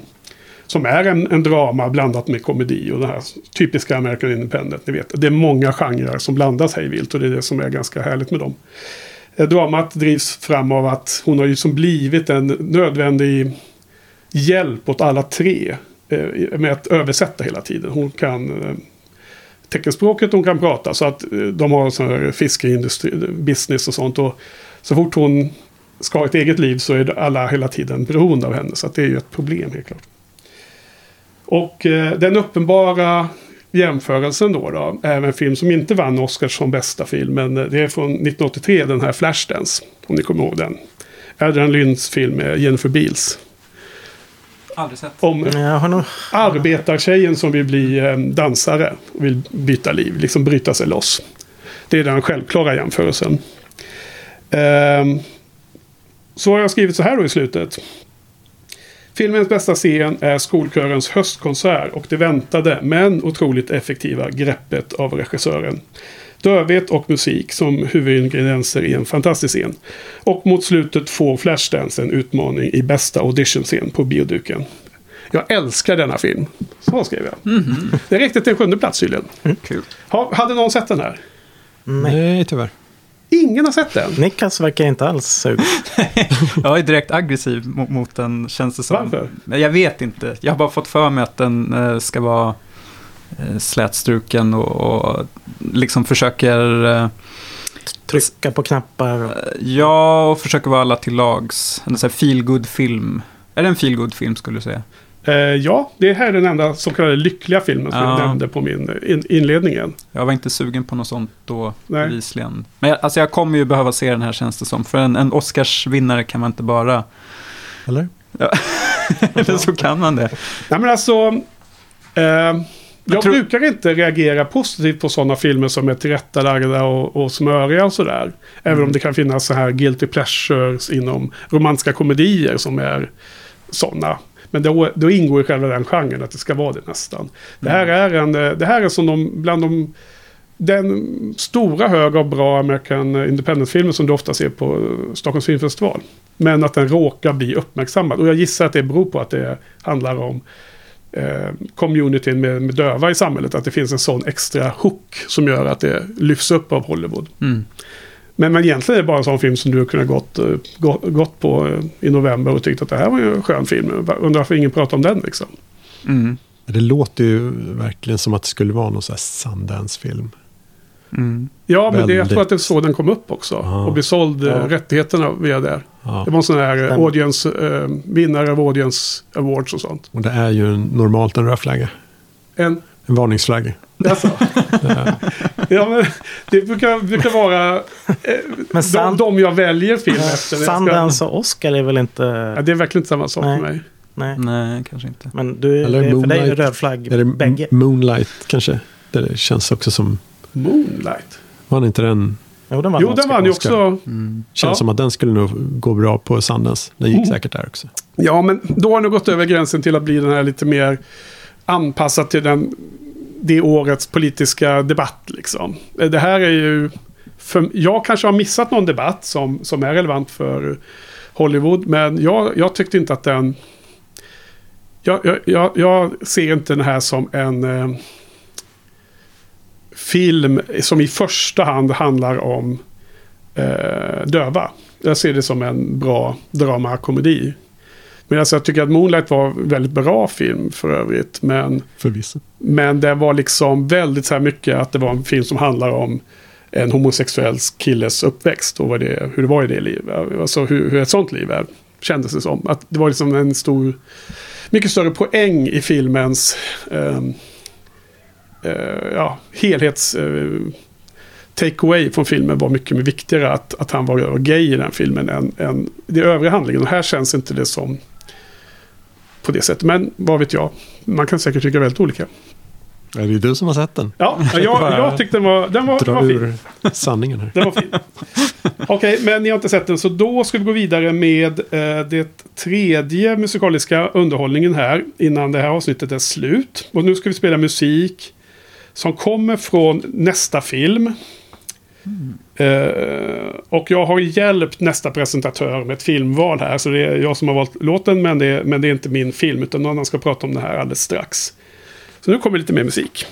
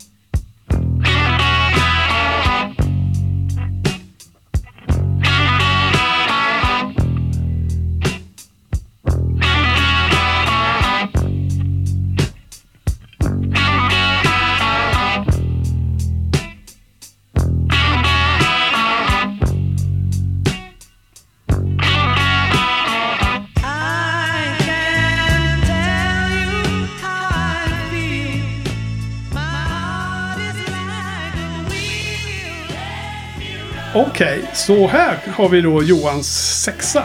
Ja, det stämmer. Ja. Och det är ju Paul Thomas Andersons eh, senaste film, Licorice, Licorice Pizza. Lite svårt att säga det ordet. ja. Lakritspizza.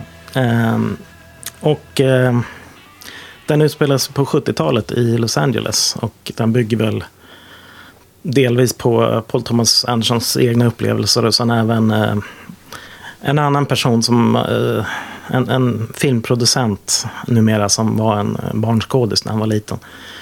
Och eh, Paul Thomas Anderson lyssnade tydligen på hans berättelser och sen skapade han den här filmen. Eh, Så att det följer ju en, en, en barnskådis eh, som, han är barnskådis snedstreck entreprenör. Han, ehm, eh, är, han har väldigt självförtroende, och, men utan att vara kaxig på något sätt. Och han eh, startar upp olika affärsverksamheter. Han säljer vattensängar och håller på med allt möjligt. Ehm, och sen träffar han en tjej som är tio år äldre än honom. Han är typ bara 15 år tror jag. Ehm, som spelas av Alana Heim. Från eh, en, en, ett band som heter Heim. Känner du till dem Niklas? Ja, Det är tre systrar som precis. sjunger. Mm. De är med även i filmen och spelar systrar så att säga. Och eh, även deras mamma och pappa är med som eh, spelar sig själva så att säga. Eh, och för mig var det här en helt underbar eh, så kallad hängfilm som jag har myntat ett begrepp. Jag vet inte om någon annan har gjort det tidigare men vi hänger helt enkelt med rollfigurerna. Det är som Once upon a time in Hollywood. Just och också det. hängfilm. Ja, Mm. Frågan, Också är, 70-tal. frågan är om det är en Henke-film. Nej, jag gillar inte alls den här filmen. Nej. Nej, jag kände till det. Ehm, eh, så att det, det är liksom, vi, vi får se, vi snackade lite i pausen här om kap kapitelindelning i filmer. Vi har ju snackat om det tidigare. Och eh, på något sätt är det här en episodfilm. Det är liksom nedslag i, i deras liv. Eh, och sen hoppar vi vidare till en helt annan period där de gör något annat. Och det är, det är ganska många olika trådar. Det är liksom eh, det handlar lite om filmbranschen i Los Angeles och det handlar om, lite om politik. Vi får följa en, en eh, jag tror han är borgmästarkandidat eller något liknande. Så det är liksom små såna här historier som eh, väver sig in i, i då Alana och han heter Gary, den här killen, i deras liv. Ehm, Ja, just det. Jag kanske ska nämna att eh, den här Gary spelas av Philip Seymour Hoffmans son. Eh, vad heter han nu då? Cooper Hoffman heter han. Mm. Och då kommer jag även tänka på Bradley Cooper som är med i en härlig roll som Barbara Streisands eh, pojkvän. Eh, ja. Eh, nej, det här var en ovanlig film för att vara Paul Thomas Anderson tycker jag. Det, den kan väl ha... Han brukar inte göra komedier, eller rena komedier. Det här är kanske inte en ren komedi heller, men den, den är så mysig och skön att, att hänga med. Så att eh, därför hamnar den på min plats sex. Mm. Har ni sett den här filmen, grabbar? Nej, den står med på listan men har inte hunnit komma dit. Ja, samma för mig, tyvärr. Ja, ja, PTA, Paul Thomas Anderson, är väl superkreddig regissör i Hollywood, så det ska alla filmnördar se, eller hur? Absolut, och han är ju en av mina favoritregissörer. Ja, jag, jag har ju väldigt svårt för honom. Jag, ju, jag, jag ser ju... Jag, jag ser varför han säkert eh, uppskattas av andra, varför han är stor. Men eh, eh, hans eh, style eller ton tilltalar mig oftast inte. Ehm, jag tror att jag, vi, vi pratade väl lite om det på, på bloggen och kommentarerna. Om att det, det känns som att han försökt göra en Robert Altman-film i mina ögon. Lite samma känsla eftersöks här känns det som. Men där, då eh, håller jag nog Altman som är min större favorit där. Det gjorde han väl redan i Magnolia till exempel. Också. Lite Ja. grann. Du vet det här parallella Ja, historier. precis. Och Magnolia som då var efterapade shortcuts känns det som. Men jag tycker ju Magnolia är bättre då. Ja, båda är jättebra. Det, det är väl den PTA-film som jag tycker är mest Ja. eh, eh, värd att lyfta upp som, som hans eh, stora, stora film. Jag vet faktiskt inte riktigt varför jag inte riktigt triggar den här. Jag, jag så tyckte att... Eh, ja, men dels så tyckte jag att Cooper Hoffman eh, var ganska slätstruken och jag tycker att han är extremt överskattad av alla som... Bara för att de älskar Philip Seymour Hoffman så ska man tycka att hans son är jättebra. Och det blir inte att, automatiskt för mig, men det känns som att eh, det är jättestor eh, sannolikhet att det är en sån eh, koppling som folk gör där. Jag inte, tyckte du att han var så himla bra på egna ben? Ja, jag tyckte han var mysig. Jag tyckte Ja. han var skön. Ja. Han hade en skön style. Jo, ja men precis. Och det, det är ju väldigt personligt hur man uppfattar Ja. det. Så det, det kan man ju absolut inte ha några synpunkter på. Men jag fick en sån vibe, lite som du var inne på Karl, att så varför gillar folk det? Var, vad är det som... Liksom att det är någon slags eh, metanivå på eh, varför man lyfter en film. Och så. Jag, det känns som att här, här måste alla som, som ska fortsätta jobba i Hollywood tycka att han är helt underbar då. då. Eh, men eh, det är väl det ena. Det andra var ju att när den kommer så pass nära Quentins film eh, Once upon a time in Hollywood då blir den ju då, då, då känns den ännu tunnare för mig. För att den var så himla mycket bättre tyckte jag. Och jag tycker precis tvärtom. Vad konstigt. Ja, ja för du var den enda som inte hade med Ja, ja. Once upon a Ja, time just in det. Hollywood på, på den listan Ja. här om året. Ja. Yes. Okej, ja men det... Kanske ska nämna bara titeln. Licorice Pizza är ju lite märklig. Men det är en, eh, en gammal sån här skivbutikskedja eh, som fanns där i, på 70-talet. Så det är liksom ett, en, eh, ett skämt på mm, förkortningen LP, long play. Ja. Eh, från vinylvärlden. Ja, precis. Och så blir Licorice svart. Svart pizza. Ja. Något runt så Ja. platt. Ja.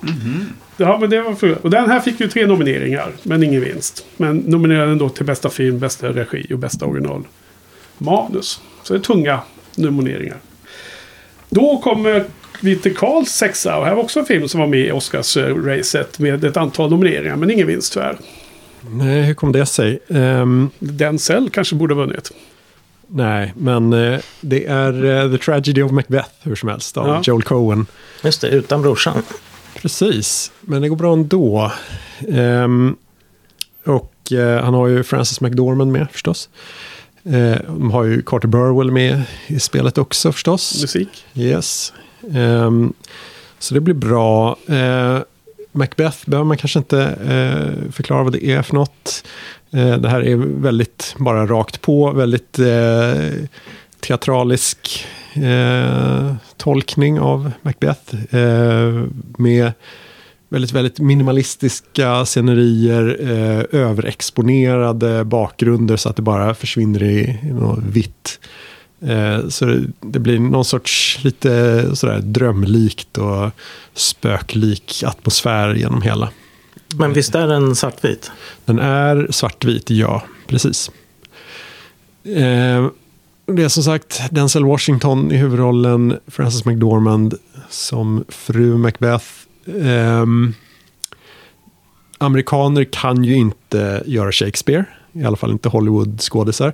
Eh, så, så det håller ju tillbaka filmen. Den kan inte bli hur bra som helst.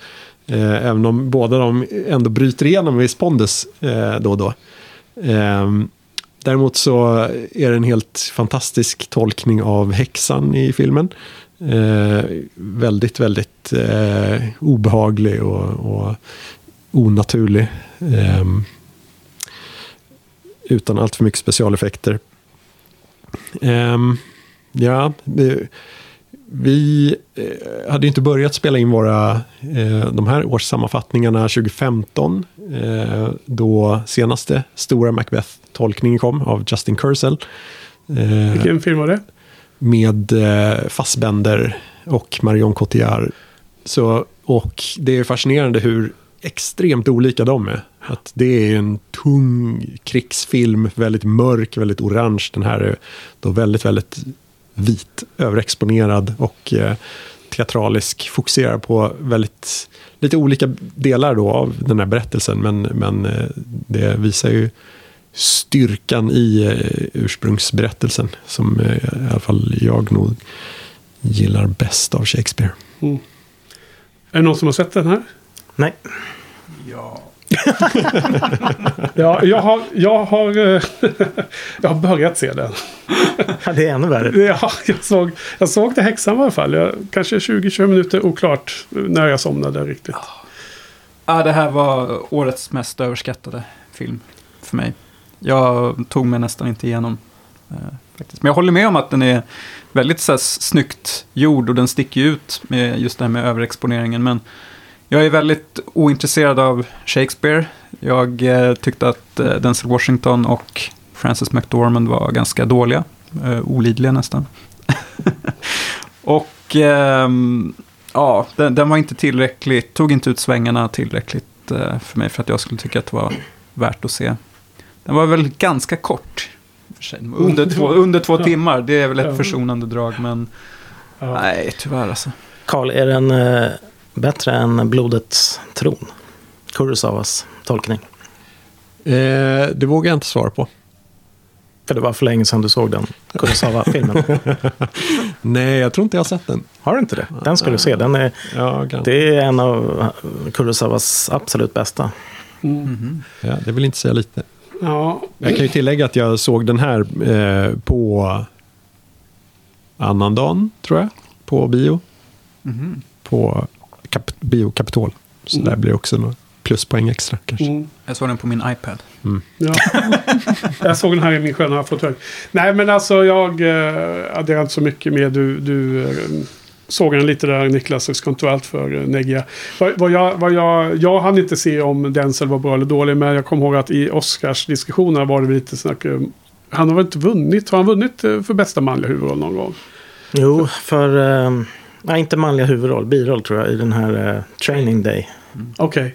För annars brukar det ju vara så att de får ju en Oscars till slut av eh, som, Mm. för, för lång tjänst och sådär.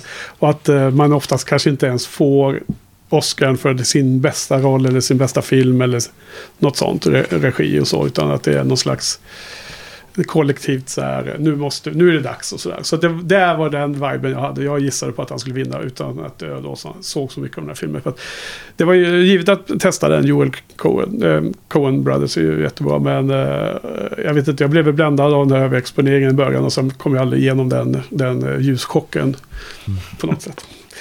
Så vi, vi får gå vidare här och då kommer vi till eh, de, eh, nu är vi uppe på topp fem på era listor, hörni, mina herrar.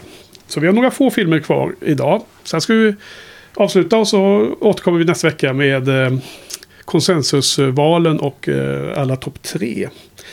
Men Johan, din nummer fem kommer vi till nu. Vad kan det vara?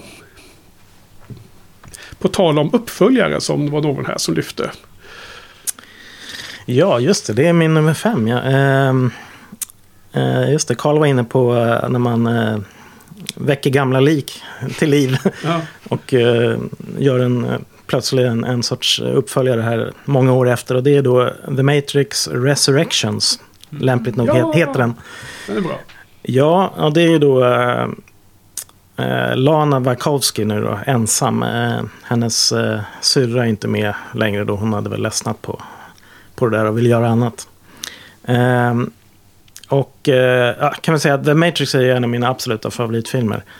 Eh, någonsin. Jag, första gången jag såg den så hade jag satt jag på ett plan från Australien till Sverige med brutet nyckelben och eh, sju stygn i knät och, och sådär.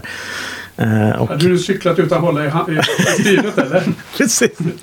Nej, jag hade cyklat utanför Australien på en ö där och vurpat. Eh, och sen visar de The Matrix i, eh, i stolsättet framför. Det var på den tiden det, ja, det var en liten display där filmerna rullade hela tiden så att säga. Så att jag såg eh, mitten först.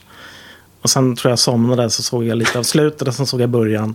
Och sen såg jag hela igen. Ja, hur som helst, det var en fantastisk upplevelse i alla fall. Eh, 203 är väl inte riktigt lika bra. Eh, det får man väl säga. De, de blir sämre och sämre. Det blir mest eh, ja, CGI-action mot de här bläckfiskarna nere i Zion. Eh, men det här då, här får vi träffa då eh, Neo, alltså Thomas Anderson och eh, Tiffany som hon heter. I en, i en ny Matrix-värld där Neo är spelutvecklare. Och eh, han gör ju då The Matrix-spelet och det är det han har gjort tidigare. Så att eh, det är väldigt mycket meta här nu då. Det refererar ju till eh, de tidigare filmerna. Man får till och med se scener ur filmerna. Eh, det hela inleds ju med den här klassiska Trinity-fighten som eh, första filmen inleds med. Så då tänkte jag, ta, vad är det här? Kommer, är det en shot by shot remake av ettan? Liksom? Är det det vi ska få se? Det var det man trodde ja. Ja, man trodde det. Det är exakt samma händer. Det är givetvis en annan skådis som spelar Trinity. Men, eh, men sen eh, händer det ju saker då. Det dyker upp personer som vill kontakta Neo och eh, ska föra honom tillbaka till den riktiga världen. Och, eh, det hela går väl ut på om eh, Trinity och Neo ska få varandra till slut här. För eh, det är folk som inte vill det. Ja, just det. Det här med meta. Jag brukar ofta ha lite problem med det. Men det finns lite olika typer av metafilmer. Alltså, jag gillar egentligen det konceptet. Speciellt när, alltså när filmen vet att det är en film. Och att den leker med sig själv på det sättet. Ungefär som adaptation. Eh, Det, det, det gillar du? Ja, det gillar jag. Den typen. Däremot det här när den ska referera till andra filmer och massor med populärkulturella eh, referenser hit och dit. Då brukar det ta mig ur filmen snarare. Men här funkar det klockrent liksom. Ja. Jag vet att många tycker det här är... Ja, att det var överdrivet och bara konstigt. Men för mig funkar det ju suveränt. Eh, det som jag gillar med The Matrix är ju... Alltså, det, är ju helt otroliga fighting-scener och visuellt hur den ser ut. Det är ju inte riktigt lika bra här. Det får man väl erkänna. Men ah, det gjorde Det inte så mycket. det är inte dåligt. Men det är inte dåligt. Det Nej. var, jag menar jämfört med många andra liksom med skakiga kameror och klipp och där man inte Mm. ser vad som händer så tyckte jag det här var bra. Det är liksom på riktigt på något sätt. Så att, ja, det uppskattar jag. Eh, sen blev det slutet lite väl kanske generiskt på något sätt. Då blev det liksom en mer vanlig film. Eh, men ja, den, den höll hela, hela vägen ut. Så att, Mm. Det är nummer fem.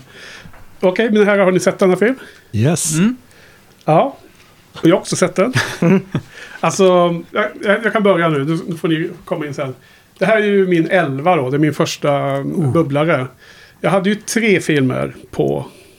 Eh, den här var ju klart uppe på topp 10 när jag hade sett den. Jag var super överraskad positivt.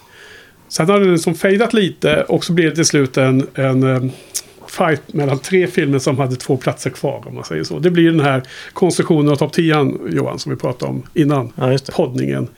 På något sätt så eh, blev den uttryckt av två andra filmer som är liksom i samma domän i, i, i huvudet liksom i, i mitt mind av vilka filmer representerar året bäst. Eh, jag tyckte att det var den, den upplevdes så bra för att jag hade ganska låga förväntningar inför att jag gick in på filmen. Hade sett om de gamla och precis som du beskrev, den första är ju spektakulär och nu danande då, 99 den kom. De andra är ju ganska kul men det är så mer så här vissa scener som är bra sen helheten är inte alls i samma nivå. Mm så att jag liksom hade ju förväntat mig ungefär som Ghostbuster Afterlife att det var liksom lite referenser och så var det lite kul för stunden och sen var det ingen mer. så jag blev jätteöverraskad och men jag tyckte slutet var ju fantastiskt och jag tyckte det var så Alltså nu har det gått ganska länge så nu blir det en spoil här på slutet av Matrix eh, 4 för de som inte har sett filmen. Så får ni eh, sänka ljud här nu i 20 sekunder. Eh, jag tyckte det var så härligt att Matrix, första filmen är ju Neo the One och allting fokuserar på honom och nu är det ju Trinity som är the One och har gjort den switchen. Och liksom när det var manlig regissör så var det den manliga huvudpersonen som var the One och när det är en kvinnlig regissör så är det den kvinnliga huvudpersonen som är the One. tyckte jag var en väldigt snygg eh, symmetri och jag uppskattade känslan i att detta Ja, kom fram så har du tydligt. rätt i. Så att eh, jag tyckte det var härligt. Det var härligt.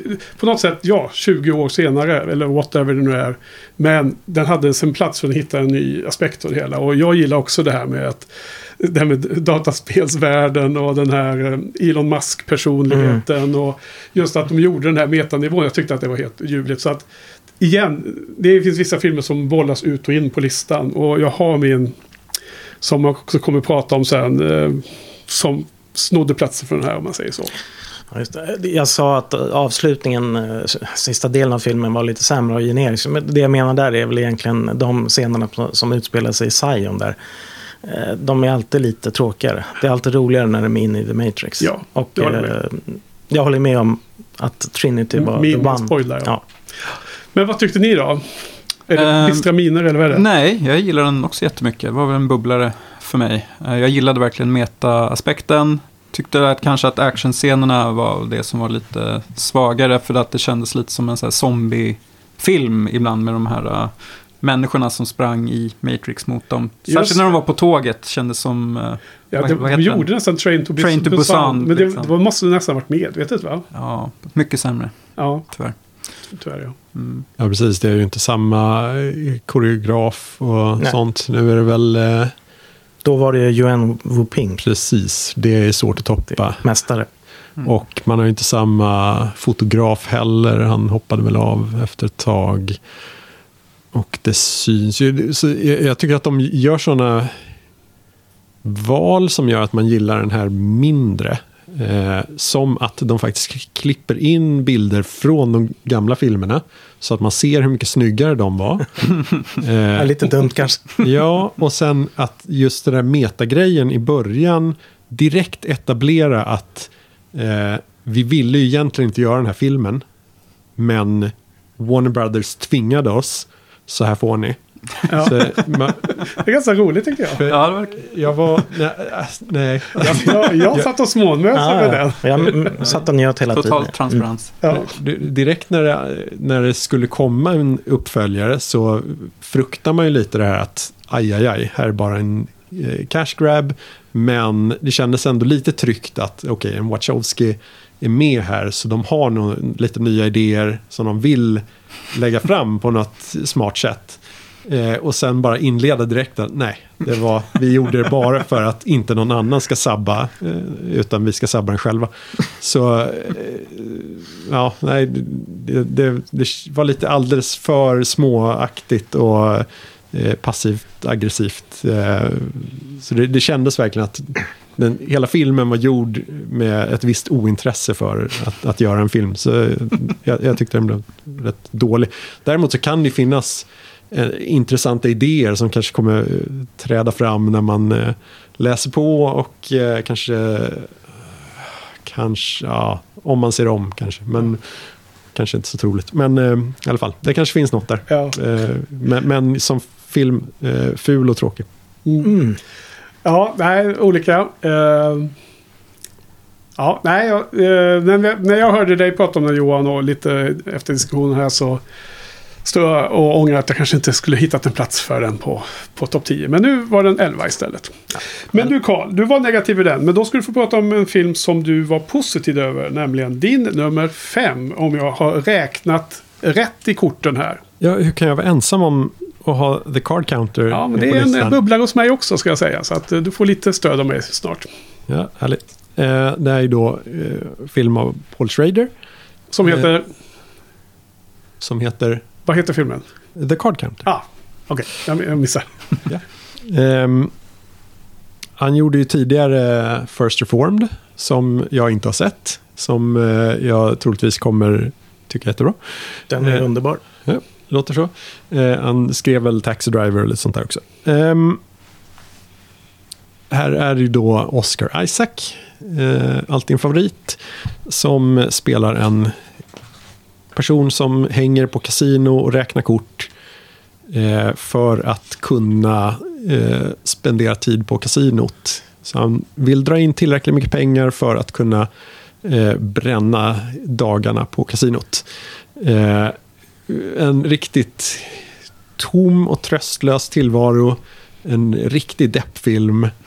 eh, och han lyckas ju verkligen fånga det här eh, eh, lite limbokänslan av ett riktigt kasino. Det finns inga fönster, det finns ingen tid som existerar Nej. där.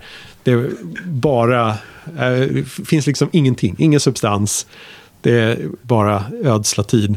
Eh, så man verkligen får vältra sig i eh, någon sorts meningslöshet och hopplöshet. Och eh, eh, som han ändå då eh, kanske hittar någon så här liten uns av mening förr eller senare. När han eh, stött på en eh, annan figur. Eh, och sen vart det leder en annan sak. Ehm, men just, han har ju då suttit i fängelse tidigare, den här Oscar Isaac-karaktären. Eh, och känner sig väl kanske inte helt klart med det straffet heller. Så det, det är verkligen en, en sån, någon sorts limbofilm. Mm. Ehm, och finns ju då väldigt mycket om hela amerikanska ouppklarade synder som behöver bearbetas. Mm. ja, tung, tung film. Mm. Eh, men man älskar ju Oscar Isaac i den där. Det är ju lite eh, Lewin Davis-vibe på hans eh, bara glida igenom tillvaron med tungt hjärta. Jo, jag ser lik, liknelsen där. Eh, har, ni har inte sett den? Nej. Nej. Uh, uh, när jag har sett den, kommer förut på filmbloggen imorgon, måndag. Uh, jag tyckte den var väldigt bra. Eh, och den är en bubblare för mig. Och du har beskrivit det väldigt väl. Eh, och jag tyckte den där limbo i kasinovärlden var väldigt, väldigt häftig. Uh, feelingen runt de scenerna. Uh, påminner om när jag var i USA för allra första gången och var i Las Vegas med en kompis och jag gick och frågade när frukost serverades har för mig. Eller om jag frågade om till och med eh, korkat nog när öppettider och sånt där. Och då öppet dygnet runt och Ja. serverar frukost när som helst. För, att, för att folk kan ju spela, spela och deras, eh, i lilla bubblan kan frukost behövas när som helst. För övrigt så ingick ju en Bloody Mary i frukostbuffén, vilket jag tyckte var fascinerande. En ung person. Ehm, jag tyckte däremot att... Alltså det är otroligt eh, spännande karaktärsstudie på en person som egentligen bara väntar på att dö. Eh, otroligt deprimerande i mångt mycket. Sen finns det aspekter runt det här eh, USAs krig mot eh, terroristmän som har pågått. Jag tror att filmen hade varit så jäkla mycket bättre om man hade valt att inte klippa in en viss typ av scener. Utan att det bara hade varit en lockelse bortom horisonten som, som åskådaren själv hade fått eh, eh, bygga ihop den här varför Oscars Isaac var som han var. Jag tyckte att det blev... Man, man, eh, jag tyckte att han själv tog ner filmen på en annan, på en mycket simplare nivå när han gjorde som han valde. Eh, ut, försök att inte spoila allt för mycket men jag, förstår, jag tror att du förstår vad jag menar. Absolut. Eh, vad, vad, vad, vad tycker du om den kommentaren? Håller du med eller är jag helt eh, konst, konstigt ute nu? Nej, men det, de sticker ju ut och är verkligen på en helt, an, ett helt annat universum på något sätt. Så jag, jag, jag gillar dem rent, rent filmtekniskt och väldigt spektakulära. Mm, det håller jag med om. Eh, Så det var... Det, det gjorde det mer spännande just för att det var överraskande. Men eh, du kan nog ha... Ja, det kan vara ol, olika för olika personer. Hur Ja. där, men det kan Nej, jag, vara- jag bara slås av att eh, filmen skulle kunna varit ännu mer... Eh, eh, vi, vi pratade tidigare om att slå in öppna dörrar och sånt. Och det är ju en, en känslig balans det där. Om man vill adressera någonting som är fel i en samtid. Så hur ska man då göra det? Ska man göra det, visa för mycket eller visa för lite och sådana saker. Mm. Eh, Men jag tycker det var en väldigt spännande film. Jag tror jag såg den för att du tipsade om den också. Eh, Jag tror att du fladdrade förbi på Letterboxd och då såg jag att ja, den här ska jag klippa innan. Men den blev bubblare som sagt. Någon mer tankar runt det? Han, han är ju väldigt bra men jag tyckte att det fanns tre väldigt bra skådespelare. Alla, alla de här tre. Hon, eh, tjejen där Just det. som han träffar på. Tiffany Haddish. Eller? Så var det. Ja, jag känner inte igen henne. Jag har nog aldrig sett henne förut. Jo. Ja. Har visst. Sorry. Jag, jag vet inte. Jag trodde hon var hyfsat känd. Eh, Eh, Svart tjej. Ja. Eh, har hon gjort något som... Ja, Girls Trip. Den har inte... vad, är det, vad är det för något? En tv-serie eller? Inget Nej, det är en film om tjejer som partar Okej. på, på semester. Ja. Som, är, som jag har sett faktiskt. Men hon är med i något mer också, men strunt samma. Jag kommer Ja. inte på det nu. Känt namn helt klart. Eh, som man, man kommer se ja. överallt. Jo, men det kan man köpa. Och sen den yngre killen var väl känd. Vad hette han nu då? Var det Ty Sheridan? Ja, precis. Han var det. Han var ju med i den där uh, Nicolas Cage-filmen. Fast så mycket yngre. En av de två pojkarna här för mig. Uh, Mud, eller vad hette den? Mm. Mad. Även uh, Tree of Life. Tror jag. Ja, just det. En av sönerna där. Okej, så den var bra. Den kan jag rekommendera. Ska ni se den? Ja, Ja, faktiskt. Ja, den dyker upp. eh, åker upp på listan. Mm. Bra, nu kommer vi in på... Nu är vi snart klara med första avsnittet här. Och nu har vi två filmer kvar att prata om. Och det är två fjärde placeringarna. Sen är vi klara för idag. Så att nu är det du igen Karl. Får ta, ta två i rad här. Din fyra hade ingen annan fiskat upp. Och har med på sin lista. Var du, eh, var du överraskad? Nej, det kanske inte borde varit. Ehm, min fjärde plats är ju A Hero av eh, Asghar Farhadi. Eh, det är väl eh, en film som alla borde se. Ehm, handlar om en man som är inlåst i fängelse för att han har skulder. Vilket tydligen är något som existerar i Iran. Ehm, och när han är på permission så får han tassarna på en väska med guld som eh, han funderar på om han ska behålla för att köpa sig fri. Men eftersom det inte är tillräckligt mycket för att han faktiskt ska bli fri så lämnar han tillbaka den där till ägaren. Eh, eller försöker i alla fall hitta ägaren. Och när eh, allmänheten får nys om det här så slås det upp i media och han hyllas som en stor hjälte som lämnar tillbaka det här, vad ärlig han är. Ehm, och eh, alla blir ju engagerade. Fängelset engageras, tycker att det här är jättebra PR för dem. Att en av deras fångar är så he- helylle kille. Ja, och så eh, ja, andra organisationer hoppar in och börjar insamling för att samla in pengar för att kunna köpa ut honom och allt sånt där. Ja, det är en stor grej. Eh, eh, men han drar ju små vita lögner för att göra den här historien förståelig för folk. Eh, och utifrån hans perspektiv så är ju det han berättar ganska sant. Han tar med alla viktiga detaljer men utelämnar småsaker för att skydda andra som inte behöver dras in i historien. Och eh, förr eller senare så når ju även den informationen ut på något sätt. Någon gräver lite för mycket. Och eh, då ja, se, ser ju allt annat inte heller så bra ut. Mm. Frågan vad, vad kan man då lita på med den här figuren? Och alla som då har eh, hoppat på det här tåget blir besvikna och tycker va, nu dras vi, vi i smutsen, vad är, det här? Och så, ja, stor, stor eh, historia sådär.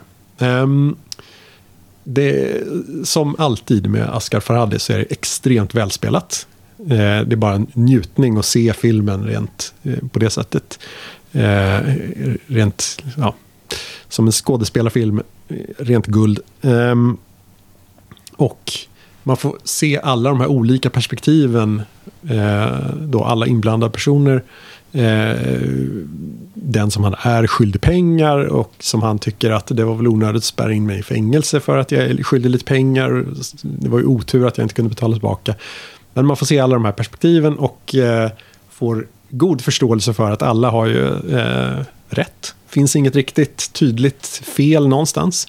Eh, men ändå ja, svårt att få alla att bli nöjda.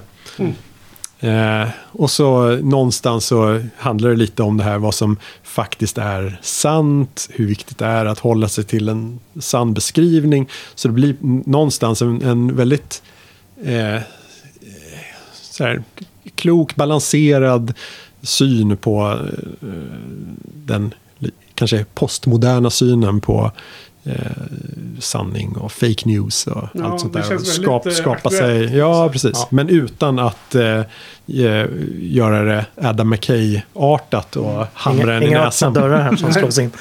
Så, så den är väldigt, eh, ja, det är inte banalt. nej. Så den var väldigt, Eh, Carl, eh, den här Asghar Farhadi, visst är det han som har gjort eh, En separation? ja.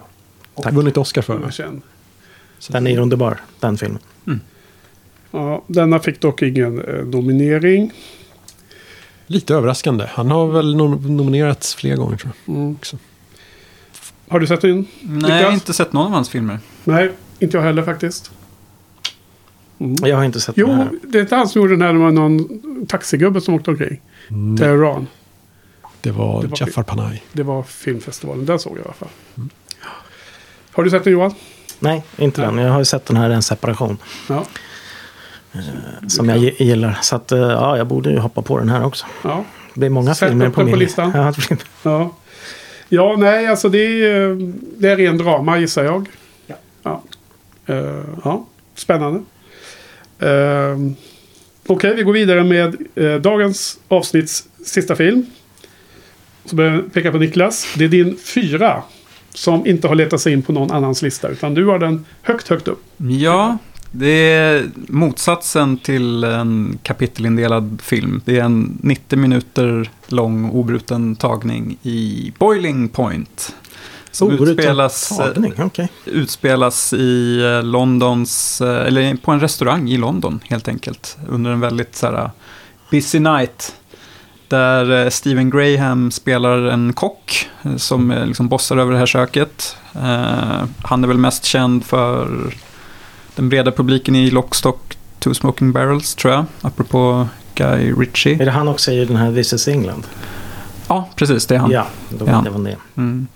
Han är otro otroligt bra. Eh, Den här filmen är ju liksom inget jag skulle rekommendera för den som lätt blir uppstressad eller eh, kanske lätt deprimerad. eh, Eller lite en sån. Det är ingen upplyftande film.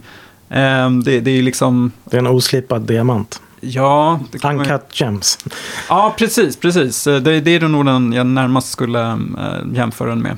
För det här är liksom så här, redan innan de har så öppnat för gästerna så är man jättestressad. Liksom, så här.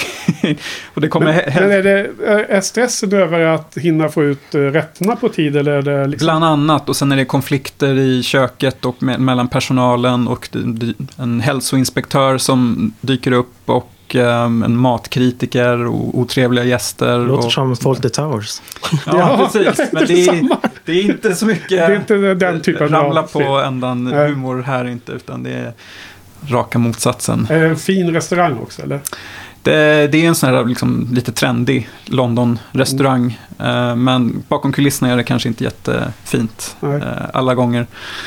Och ehm, men jag gillar väl den framförallt för att den är så, det är så imponerande hur de har fått till det här. De gjorde tydligen, spelade in filmen fyra gånger då, fyra tagningar. Mhm. Eh, och de tyckte att den tredje tagningen blev bäst, så den Ja. använde de sig av.